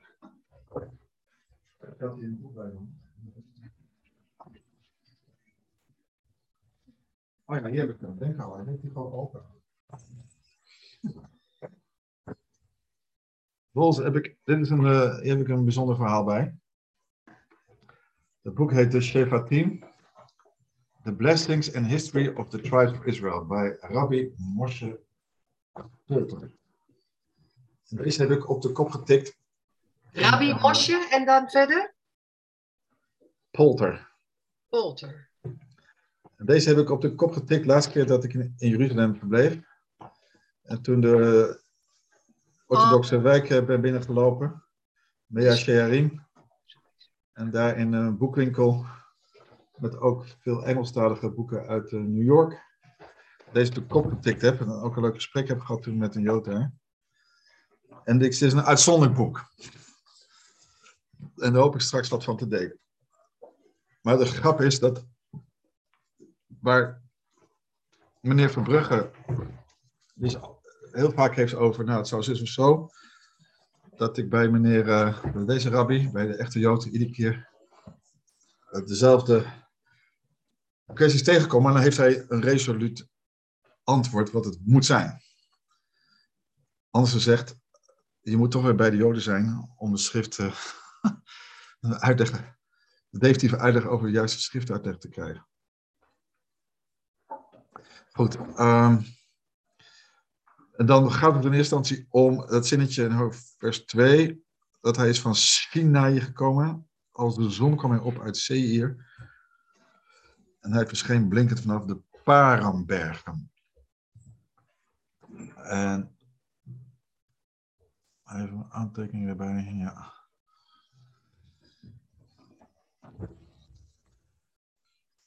Nou, en wat lees ik daar dan over bij de rabbi Polter, Moshe Polter. Even terug, een heel hoofdstuk.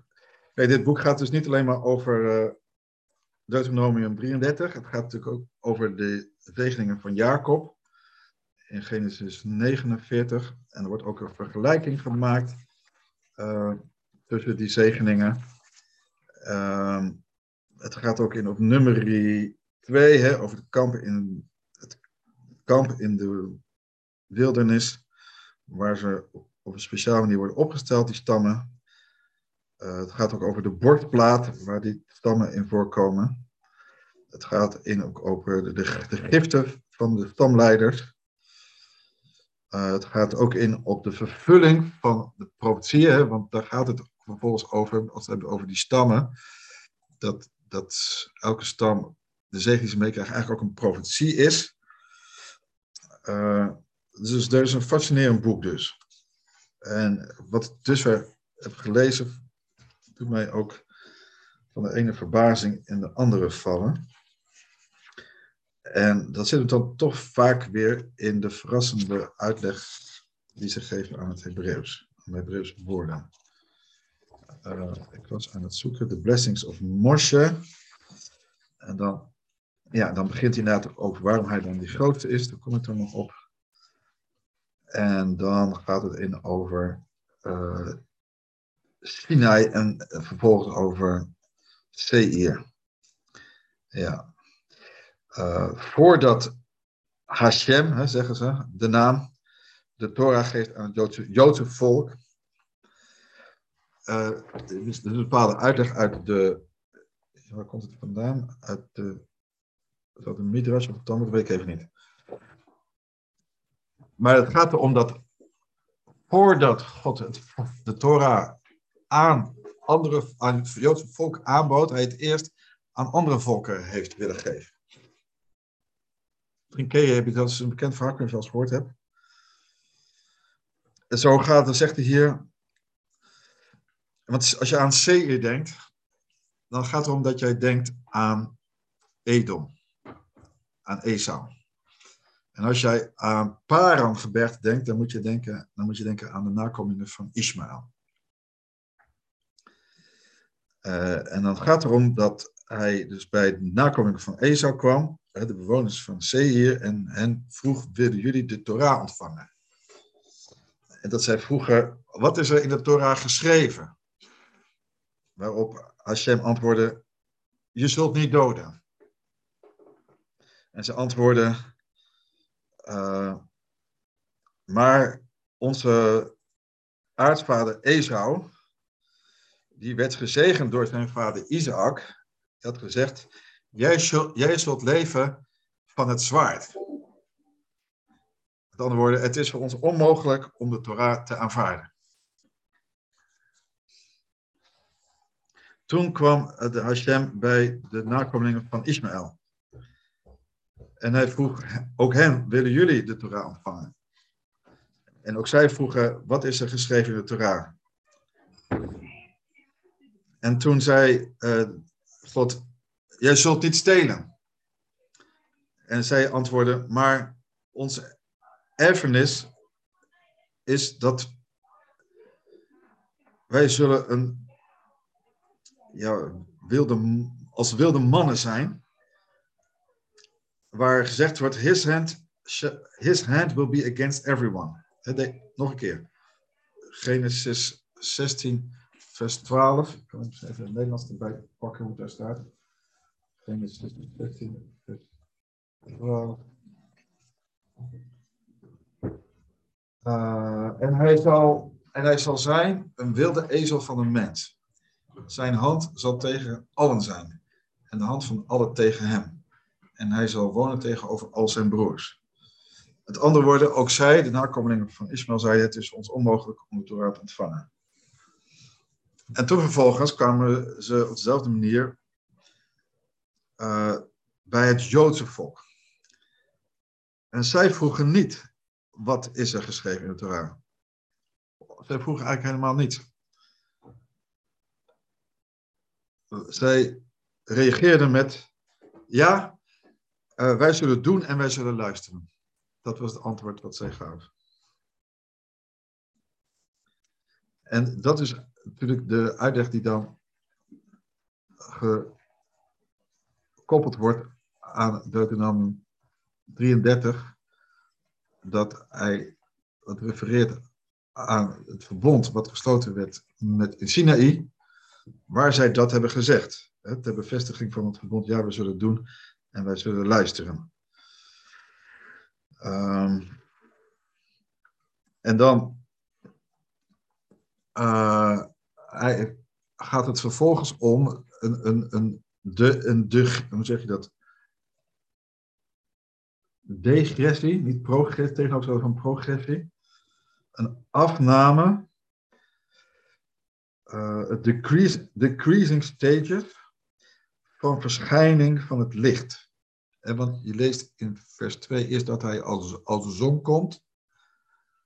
En dat hij dan blinkend is. En dan is er sprake van iets wat vurig is. Uh, ik moet even kijken, hoe staat het hier? Uh, Mozes vergelijkt het verschijnen van de naam Hashem als het verschijnen van licht. De woorden came, kwam, scheen voort, verscheen, en, en made an appearance, uh, beschrijven dan drie uh, verschillende decreasing stages in appearance of light. Um, waarmee dan wat ingaat op die tienduizenden heiligen waar sprake van is. En daar is in, dus in, in het Hebreeuws uh, sprake, en ik moet anders zeggen, daar is in het Septuaginta, wordt daar vertaald Meribat Kadesh. Dus dan kun je afvragen, ja, wat, wat, hoe kwam de Septuaginta bij zo'n vertaling? Hebben zij een andere soort Hebreeuwse tekst gehad dan wij nu hebben? Want het zou natuurlijk wel in het verlengde liggen van de tekst daarvoor. Uh, en dan wordt er ingegaan ook op die uitdrukking een vurige wet voor hen. Nou, dat is wat ik hier lees in de Statenvertaling. Maar je kunt er menig andere vertaling op nastaan en dan kom ik hier het anders tegen. En dan kan je ook lezen een brandend vuur in de NBG, waarin gezegd wordt dat het woordje dat in het Hebreeuws is uit het Perzisch. Uh, eh, NBV heeft over bliksem. Uh, dus kortom, het is nogal uh, discutabel en ook onder de rabbijnen merk je dat ze daarmee wortelen.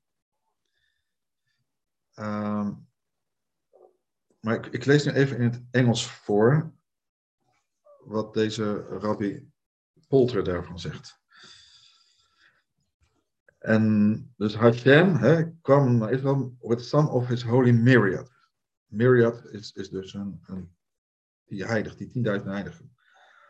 On his wedding day a groom, dus een bruidegom, will usually display the entire glory of his wealth and splendor to his bride.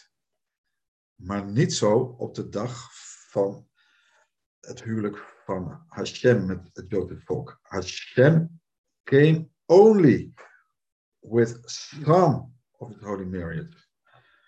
He did not come with all the angels, nor with even a majority of them how differently Hashem acts from the way a human being does. Nou, spijt me, maar zo zou ik die tekst zelf nooit lezen. Rashbi die dat zo leest. Dus, dus waar wij denken tienduizenden is heel veel, eh, wordt het omgedraaid. Nou, het zijn maar slechts tienduizenden. En God doet niet in één keer, als hij bij Sinai dat verbond met hen sluit, niet in het aanvang zijn volledige splendor laten zien. Hij doet dat in, in fase en uh, om dan te eindigen met en dan, dat is de uitdrukking die ze hier gebruiken. The fire of a religion. Dat is een Engelse uitdrukking van wat ik hier heb staan, vurige wet. Of het andere als brandend vuur. Het is with the fire of religion for them. From his right hand. Hashem gaf het Joodse volk the fire of religion. Het vuur van religie. De Torah. Dan gaat het om dat, als je, ja, ik weet niet wat je dan bij de- denkt, vuur van religie, maar dan moet je bedenken, het moment van de, dat die Torah gegeven werd op de Sinaï, dat was te midden van vuur. God zelf schreef zijn woorden ook met zijn vinger, hij graveerde dat op de tabletten met zijn rechterhand. It was written in black fire on white fire. En vervolgens, als Mozes dan later het zelf opnieuw moet schrijven, doet hij dat met zwarte inkt op een witte parchment. Aldus Rashi. Dus het gaat om het hele, incident, hele gebeuren van het geven van de Torah. Was er eentje van vuur. En, en ook in Exodus 19 lees je ook hè, dat die berg Sinaï, die was een en al rook vanwege dat vuur. Dus het, het werd gegeven te midden van vuur.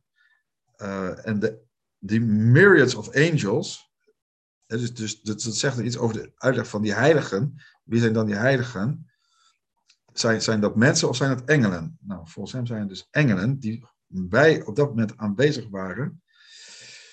Die waren eh, engelen van vuur. De berg was on fire. En Hashem wordt ook wel genoemd a devouring fire. En Mozes aangezicht scheen ook als van vuur. En, en zo eh, wordt dus de Torah eh, wel op verschillende manieren vergeleken met vuur.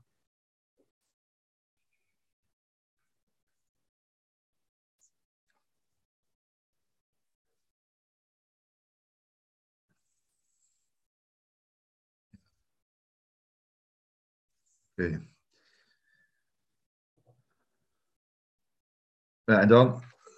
eh,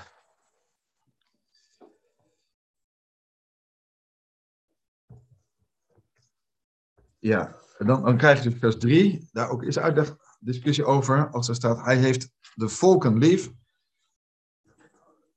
Nou, wie zijn dan die volken? Ook de rabbijnen zelf hebben verschillen hiervan mening. Dat komt ook vanwege het een, een moeilijke Hebreeuws zinnetje daarin. Ehm, en dan is de uitleg is grofweg die van zijn het de stammen, wat in het kader van tekst logisch zou zijn, wat ook wat de meesten verkiezen. Eh, of zijn het de volkeren in, in, in, alle volkeren op de aarde? Wat betekent dat dan? Uh, en ook dat is uh, waar Jonathan Sachs een apart essay aan wijdt. In zijn commentaar op Deuteronomium. Um, the Love of Nations. En nou, om een heel lang verhaal kort te maken, wil ik even, even de conclusie geven. Um, waarbij ondanks de kortweg uh, hoe moet je dat zeggen? De, hij heeft verpleit in het verlengde ook van een een rabbijn uit de tijd van de Renaissance, Italiaanse Renaissance, en die pleit doormaakt voor dat God alle volkeren lief heeft, zoals hij in 9, 9, Exodus 19, vers 5 zegt. You shall be loved to me more than other peoples. Implying that God loves all peoples, though not all in the same way. En hij vergelijkt het dan zoals priesters staan naar het, naar het volk. Zo is er een relatief onderscheid van Israël en de volkeren. Uh, precious is humankind because it was created in the image of God. Uh, en dan, you shall be to me a kingdom of priests and a holy nation. Wordt gezet tegenover de Mishnah Avot. Beloved are Israel, for they are called the children of God. Nou, en dan, dat is, dat is één uitleg. En de andere uitleg, die van Sforno, die wil ook toch wel, ik moet anders zeggen. Als ik het heb over die Sforno in de tijd van de renaissance, waar gaat de renaissance over? Dat lag de nadruk op het universalisme en het humanisme. En voor hem was dus de relatie tussen Israël en de volken als die van priesters en volk. God houdt van de hele mensheid en hij heeft Israël gekozen uh, om hen kennis te doen maken met het bestaan van God en zijn soevereiniteit. Nou, en dan is er nog een Karaïti die aanhaalt. Uh,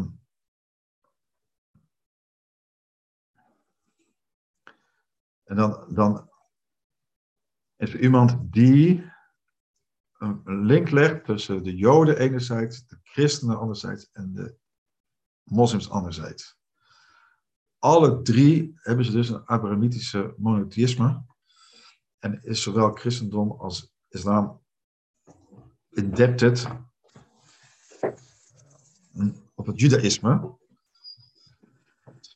Uh, en dan zegt hij, dan zegt hij, there is a note of universalism in most final words that we need to hear against, again in, in onze tijd. God loves not one nation, but all, for they are all the work of his hands. Nou, wat wil ik hier maar mee aangeven? Het feit dat straks een heel essay schrijft naar aanleiding van dit ene tekst, geeft denken. Wat wordt er gezegd als er staat, God heeft de volken lief? En als heiligen zijn in uw hand. En dan heeft hij nog een ander essay over vers 4. Mozes gebood ons de wet het erfelijk bezit van de gemeente van Jacob. Nou, hoe je opnieuw weer één zinnetje kan leiden tot een heel essay. Mozes gebood ons de wet. Nou, om dat uit te leggen, dan moet ik dat verhaaltje voorlezen wat hij dan aanhaalt. Um, van Rabbi Janai. En dat is een midrash. En Rabbi Janai, die liep op straat en ontmoette een man die heel erg netjes was gekleed. En hij wilde, hij nodigde hem uit met de vraag, wil de master be my guest? dus wil jij mijn gast zijn? Nou, en daar stemde die man op in. En toen ging Janai hem vragen stellen over de Bijbel. Maar deze man die wist niks. Uh, en ook wat hij wist van de Talmud. En van de Haggadah. Nou, ook daarvan zei daar weet ik niks van. Aan het einde vroeg hij hem om uh, een gebed uit te spreken. To say grace. Een dankgebed. Waarop de man zei, nou laat Jana dat zelf doen. Laat Jana say grace in his house waarop Janai hem vroeg: Kun jij nazeggen wat ik jou vertel? Op dan zei: Ja, dat kan ik. En Janai zei: Zeg, een hond heeft Janai's brood gegeten. Waarop de gast opstond en Janai vastpakte die maanding van hem vroeg: Waar is mijn erfenis die jij hebt en mij weerhoudt? En dat is dus, daarin moet je dus deze tekst horen. Het, Mozes gebood ons de wet het erfelijk bezit van de gemeente van Jacob. Uh, welke erfenis uh, What inheritance of yours do I have? Welke erfenis heb ik? Dus, dus dat wat Jan hem vroeg. Welke erfenis heb ik dan? Waarop dus deze man zei, ja, deze tekst citeerde. Nou, jij hebt de erfenis van Mozes. En hij zegt, er staat niet, er staat niet uh, dat het erfbezit is van Janai. Nee, het is het erfbezit van de gemeente van Jacob. Nou, en, en Jan straks legt dit dan uit. Hè? Dus, dus Jan ontdekt, omdat dan hij dacht dat die man helemaal niks weet. Uh, en dan eigenlijk boos wordt en minacht. En, en tegelijkertijd zegt hij, deze tekst is een van de sterkste ideeën binnen het Jodendom. Dat het idee van de kennis van de Torah aan iedereen behoort. Dat iedereen de kans moet hebben om het te leren. En dat onderwijs universeel moet zijn. Uh, en dat als even kan iedereen uh, ja, literate moet zijn, literate, geschoold moet zijn in de, in de, de wetten, de geschiedenis en het geloof van judaïsme. En onderwijs is dan de hoogste vorm van waardigheid en, en moet toegankelijk zijn voor iedereen. Dus ook opnieuw weer één zo'n tekst die leidt tot een heel essay om dat aspect te onderdrukken. En dat weet ik uh, ook bij Jonathan Startvat dat hij het erg hoog heeft, het belang van onderwijs. En hij dus net als uh, Miles Jones gelooft dat ook dat samen ging met het ontdekking van het alfabet, wat die kennisverspreiding heeft toen mogelijk maken. En uh, nou, dat dus.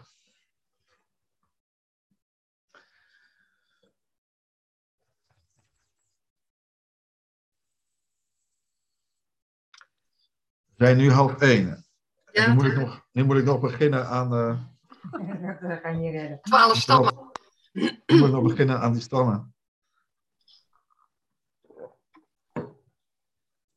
Um, wat eigenlijk nog het mooiste, wat eigenlijk nog het mooiste gedeelte is. Uh, bijzonder ook is de, de kijk, uh, het is één ding om op, op de verschillende in te gaan. Het andere ding is ook de volgorde van Deuteronomium 330, hoe die afwijkt van Genesis 49 waarom het met Ruben begint, dat, dat, ligt nog, dat ligt nog voor de hand. En ook die tekst vers 6. Uh, eh, mogen Ruben leven en niet sterven en mogen zijn mannen groot in aantal zijn. Ook hierover is verschil van mening over de tekst. Septuaginta heeft het anders, want die keert het om. Dat hij, ook al is hij klein in getal, uh, maar ook uh, deze rabbi die geeft daar weer een bij mij bevredigende uitleg bij. Maar dan gaat het ook in op de volgorde. Dat het dan eerst over Juda gaat en niet over Simeon. Simeon komt hier niet in voor. Nou, daar is dan uitleg over hoe Simeon onderdeel is geworden van uh, Juda. En waar hij vervolgens begint over Levi. En waarom hij dan Benjamin laat voorgaan voor Jozef. Terwijl Jozef ouder is. Van Benjamin dat gezegd dat hij, dat hij tussen zijn schouders zal wonen vers 12. Nou, die schouders is ook vroege uitleg.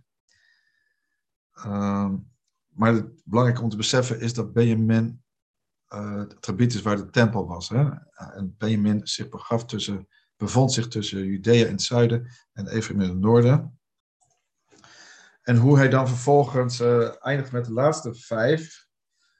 Uh, Zebulon, Gabdan, Naphtali en Aser.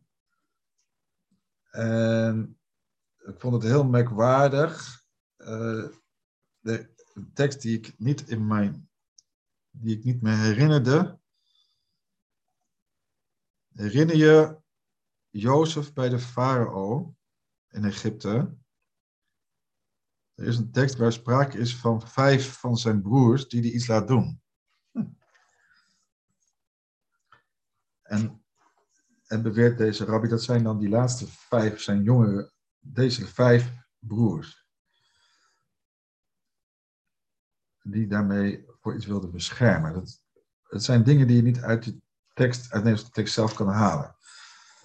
En nou zit ik dus even in dubio hoe nu verder hiermee te gaan. Uh, voor jullie weet, 10 april, harte aanbevolen, komt in Houten spreken Agenda pakken. yes, uh, Jaap Heringa. En Jaap Heringa heeft dus een, een boek geschreven, Gijk Kustlanden. En ook Jan en Admirant, ook hij heeft een boek geschreven over Juda en, en Israël. En dat gaat dus over het verhaal van de stammen. Uh, Dat is in de middag, hè? ja, we- vanaf uh, drie uur, zaal open half drie. Nou, dat kan ik wel. Dus dat Ja, vind het ik is wel heel fijn. Heel fijn. En dan, dan moet je weten dat. eh, eh, ik weet niet of je. Of ge- hebben gehoord van Bert Otten. Bert Otten. Ja, Bert Otten uit eh, Ja. Gouda. Van de Messiaanse. Hij is betrokken bij die Messiaanse gemeente Gouda. Ja, die heeft hele dingen geschreven over de feesten. Ja, daar is hij ook onbekend. Ehm, nou, ik heb hier een foto van hem. En dit is een blaadje, Waarheid en Vrede, wat inmiddels ook op YouTube is. Ja, die heb Nou, ik. hier- en hij heeft dus. Ik eh, ik heb hier een nummer, dat heet Zebedon is er voor wonen in Nederland. Ja, heb ik ook. Ja. Nou, en het is ook wat je bij Jaap Heringa hoort. Mooi. En de vraag is dus, ja, leuke aardig. Kijk, hier heb je een plaatje. oh, Waarvan je kunt zien waar zij menen dat die stammen allemaal terecht zijn gekomen. Oh, dat vind ik reuze interessant. En eh het blad is ook op internet. Je kunt al zijn nummers ook op internet terugvinden. Mhm. Nou, en dan, dan zie je dat dus Naphtali wordt, eh, wordt geassocieerd met Zweden. Benjamin met de Vikingen. Dus dat is eh, zowel dat is Noorwegen en IJsland en Denemarken. En dan moet je bedenken dat de, die Vikingen natuurlijk ook eh, huis hebben gehouden in, op de Engelse eilanden. En Engeland wordt dan gezien als uh, Manasseh en Ephraim. Oftewel, Benjamin heeft zijn broer omarmd. Mhm. En hoe het dan in Ierland terecht is gekomen en in Noord-Schotland. En uh, bijzonder ook is de verhouding tussen Zebulon en Issachar. Die worden dus vaak in één adem genoemd. Waarbij Zebulon uh, gezegend wordt met uh, handel en visserij. En Issachar in zijn tenten zit. En de uitleg is dat dan een soort deal is tussen die twee. Dat Zebulon Issachar faciliteert in, in de tent te zitten, oftewel studie van de Torah te doen. En dat ze dat kunnen dankzij de financiering van Zebulon. Zo zijn zij elkaar tot zegen. Want Zebulon leert dan van Issachar. En Issachar zijn degenen die de tijden kennen. Die dus ook de, staan voor de, de tijden ook van de, de, de kalender. En dan hebben we Azer, is, zit hier, wordt geassocieerd met de Walen, Ruben met de Fransen en een gat met de, met de Zwitsers. Dan is er ook nog iets te vertellen over het verband tussen Gat, Ruben, die aan de overjordaanse waren. Gat, uh, die ook een leiding had in het veroveren van het overjordaanse. En hoe er daar meer land was, minder vruchtbaarheid was. En vervolgens uh, ook land over was. En dus Mozes instemde met dat ook Manasseh daar een helft van zou pakken. Dus er is ook nog een verband tussen Gat, die een beetje afzijdig is.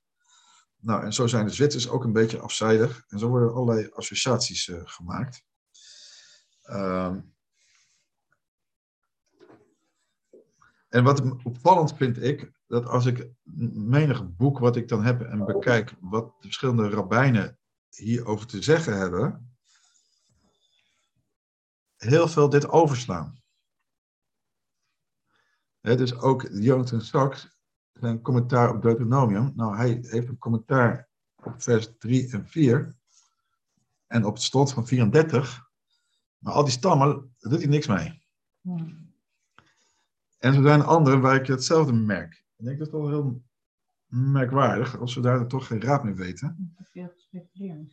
En, eh, maar er zijn er wel die, uit, zijn er wel die de uitvoer mee bezig hebben gehouden. En ook ene Davidi wordt vaak geciteerd.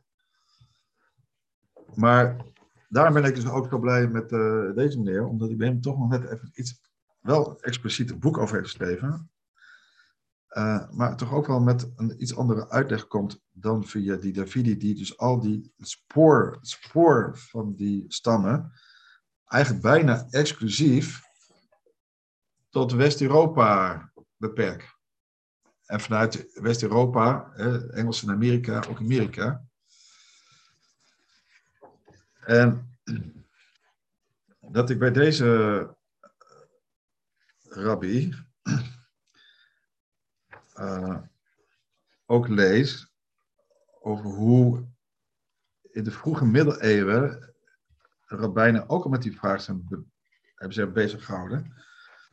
Van wat, wat zij weten van het verblijf van die stammen. Nou, dan krijg je dus heel veel getuigenissen dat het ook op andere plekken is. Richting de Caucasus, richting Afghanistan, eh, richting Ethiopië. Dus dat zal een van mijn vragen zijn, ook op die eh, studiedag in, eh, in Houten. Van hoe moet je dat nou zien?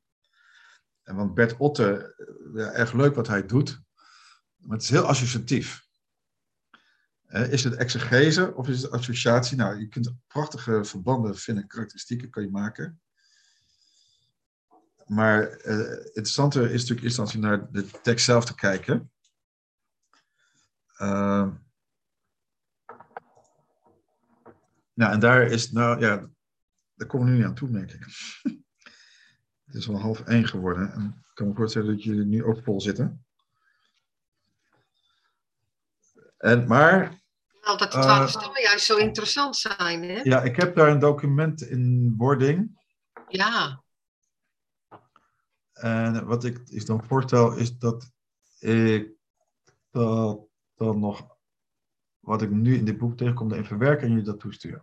Ja, mooi. Oh, dat is fijn, ja. Heel Ja. graag. Ja. En dan eh, laten we dat doen. Want we moeten juist nog- weten waar we vandaan komen. Wat zeg je? We moeten juist weten waar we vandaan komen. Ja. Eh, nou ja, als het dus aan Jaap Heringa en Bert Otte ligt. eh, het is wel grappig dat hij dat ook vertelt in, in, in, zijn, in zijn schrift. Ehm, er zit ook een stukje getuigenis van hemzelf in. Dat hij het toch wel merkwaardig vindt. Hij was dus eerst bij de zevende dagsadventisten. hè? Ja. Ja, volgens mij legt dat uit als hij over Israël begint. Hoe was ik dat elders? Ik- dat Heringa en die andere meneer uit Drachten, eh heb zijn naam kwijt, en hij zelf toch al Friese achtergrond hebben. En ze verbinden dus met Israël kennis, mensen die zich bezighouden met kennen van de tijden. En eh, de Stichting Moedim is van Heringa, komt daar vandaan. Dus eh, ja, dus als je daar waar komen we vandaan, weet het belang van dat van te weten. Er zijn dingen voor te zeggen, laat ik het zo zeggen. En, maar laat het je, Het is ook wel speculatief. het blijft speculatief. Dus, nou ja, en, en dus dat is dan een voorwerp van studie. Maar ik wou nog met één ding eindigen. En dat is eh, waarom Mozes de man Gods is. En die God van aangezicht kende. Eh, en dat gaat dan begint het met Adam. En dit is van een of andere Midrash. Eh, ik ben groter dan jij, Mozes. Want ik ben door de hand van God zelf gemaakt. Jij bent geboren van, uit menselijke ouders. Wie is de spreker dan? Adam. Adam. En wat zegt Mozes dan? Ja, maar jij viel van jouw grootheid toen jij zondigde. I never lost the race of glory that Hashem bestowed upon me. Dus ik, ik ben nooit Gods glorie, is, is, is van mij afgeweken. Noach vervolgens. Ik ben groter dan jij, Mozes, want ik ben gered van de vloed. En ik, en ik werd de vader van de hele mensheid. Waarop Mozes zegt, maar jij redde alleen jijzelf. Niet jouw generatie. Maar toen Hashem eh, wilde dat ik het hele Joodse volk zou vernietigen na de zonde bij het Gouden Kalf, redde ik niet alleen mijzelf, maar redde ik de hele Joodse natie. Abraham zei, ik ben groter dan jou, Mozes, because I fed all the travelers, want ik voedde alle reizigers. Denk aan hoe hij gastheer was, van wat dan drie engelen bleek. En Mozes antwoordt, ja, you fed the travelers op een plaats waar jij in staat was om voedsel voor hen te vinden. Maar ik voedde het Joodse volk in de, in de woestijn met manna, met hemelsbrood, in een plaats waar geen natuurlijk voedsel was. Vervolgens Isaac. Hij zegt, ik ben groter dan jij, Mozes, want ik stak mijn nek uit, nek uit op de misbijag. Hij weet niet wat dat is. En ik zag de Shechina. En ik denk dat de misbijag misschien de offerplaats was als wij bij Abraham hem wil. Ik denk dat het is. Waarop Mozes vervolgt. eh, maar jouw ogen werden zwak door het zicht van de Shechina. Terwijl I was able to speak to the Shekhinah face to face and my eyes did not become any weaker. Mijn ogen werden niet zwakker en ik zag de Shekhinah van aangezicht aangezicht. Jacob vervolgens zei, ik ben groter dan, dan jou, Mozes, want ik worstelde met een engel van Hashem en ik was overwinnaar. En Mozes antwoordde, ja, jij worstelde met één engel hier in deze aardse, wereldse plek, maar ik ging op naar de hemel en worstelde met vele engelen in hun hemelse sfeer. Want zij wilden niet dat ik de Torah zou hebben, maar ik verstoeg hen al. Ja, daar moet dus ook wel typisch Joodse ja, humor, Ja, is wel een leuke uitleg. spitsvondigheid, van heb ik jou daar. Ja. Maar aan het eind van Deuteronomium is het toch waar het boek dus mee eindigt. Over stervens en Mozes. En, en dan ook toch in het gebied van, ja, is het gebied van, van Gad. Over de Daanse. Was dat een van de redenen waarom zij dat gebied wilden? Dat durven ze niet te zeggen. Ze, ze, ze kwamen met andere motieven. Ehm, maar we weten zijn begraafplek niet. En hoe belangrijk is dat dat we dat niet weten?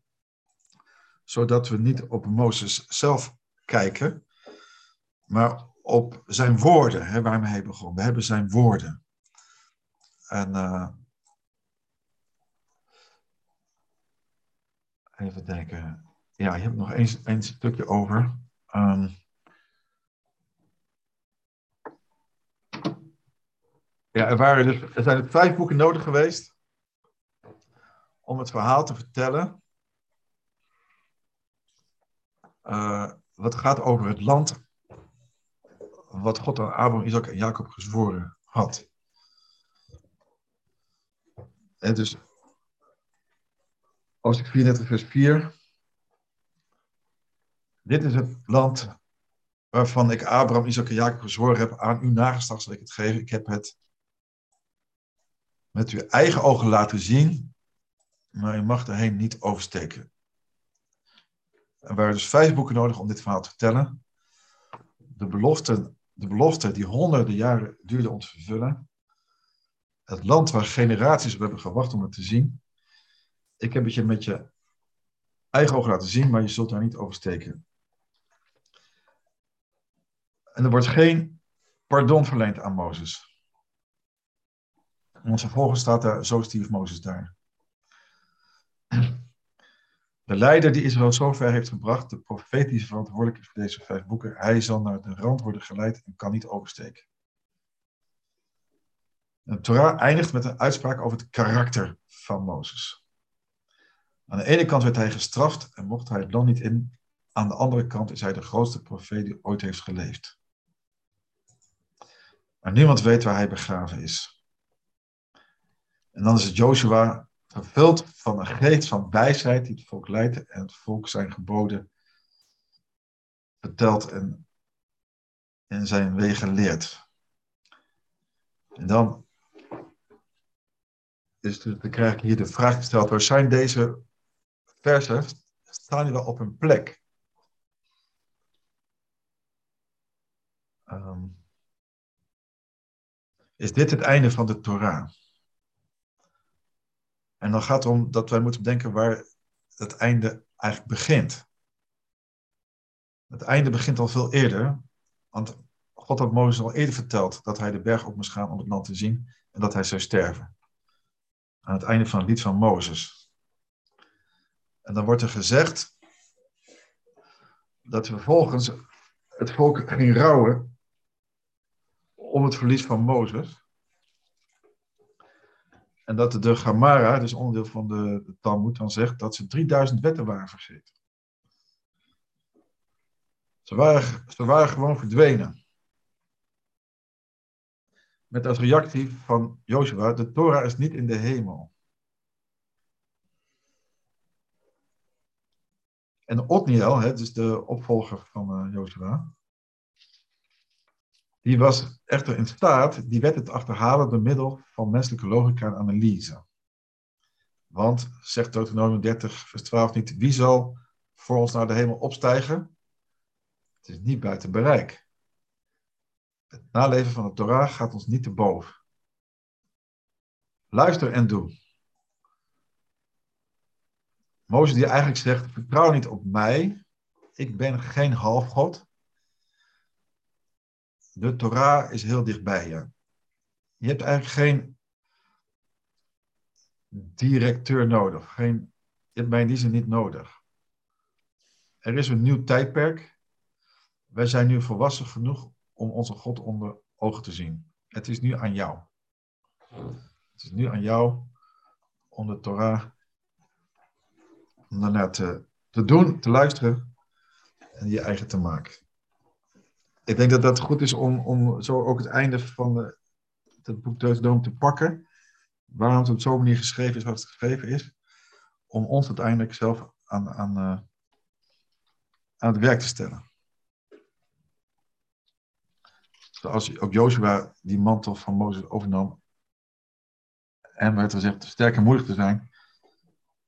En overal waar zijn stappen neerzet, dat zich eigen te maken.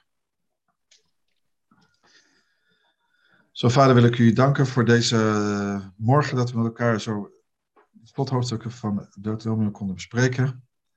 Waar zoveel meer in staat dan we nu tijd hebben om het allemaal uit te diepen. En dat we nog steeds aan de oppervlakte blijven. Maar ook een oproep mogen horen om uw woord ja, in te prenten, eigen te maken, als iets wat niet ver weg is, maar dichtbij. En dat u bent als een, uh, ja, als een lamp voor onze voeten. Dat we zoals Jozua ook het beloofde land, ons eigen het gebied wat u ons geeft, mogen ingaan. En daar een licht het licht en een zout het zout mogen zijn. Een getuige van u. En in een geloof in u die aan het begin staat ons gewekt heeft, geroepen heeft, lief gehad heeft, ons over ontfermd heeft, dat we ook in die dankbaarheid van u als, naar u toe als vader, ons vertrouwen op u mogen stellen, dat u ons zult leiden in de vrouw van het land en ons zult bewaren. Uh, en ook de, de tegenstander en de vijand zal helpen doen overwinnen. Om een ruimte te maken voor uzelf. Zodat u onder ons kunt wonen en kunt verblijven met uw geest, uw Shekinah. En wij ook, net als Mozes, mogen wandelen van aangezicht aangezicht, dankzij ook uw zoon, die ons gegeven heeft. Wie, zij, wie mij ziet, heeft de Vader gezien. En dat er na Mozes nog iemand gekomen is die gesproken heeft, waarvan ook hij zei, naar, op hem, naar hem moet je luisteren. Dank u wel dat u ook uw zoon heeft gegeven. En wij nu in staat zijn hè, om deze dingen zo te leren zoals we nu mogen leren. Dank u wel voor uw genade, uw liefde, uw trouw, uw goedheid en de geest die ons gegeven heeft. Zegen zo ieder van ons, ieder zijn plek. Dat wij uh, ja, uh, groei en bloei mogen zien hoe u wasdom geeft. Gezegend zij uw naam. Amen.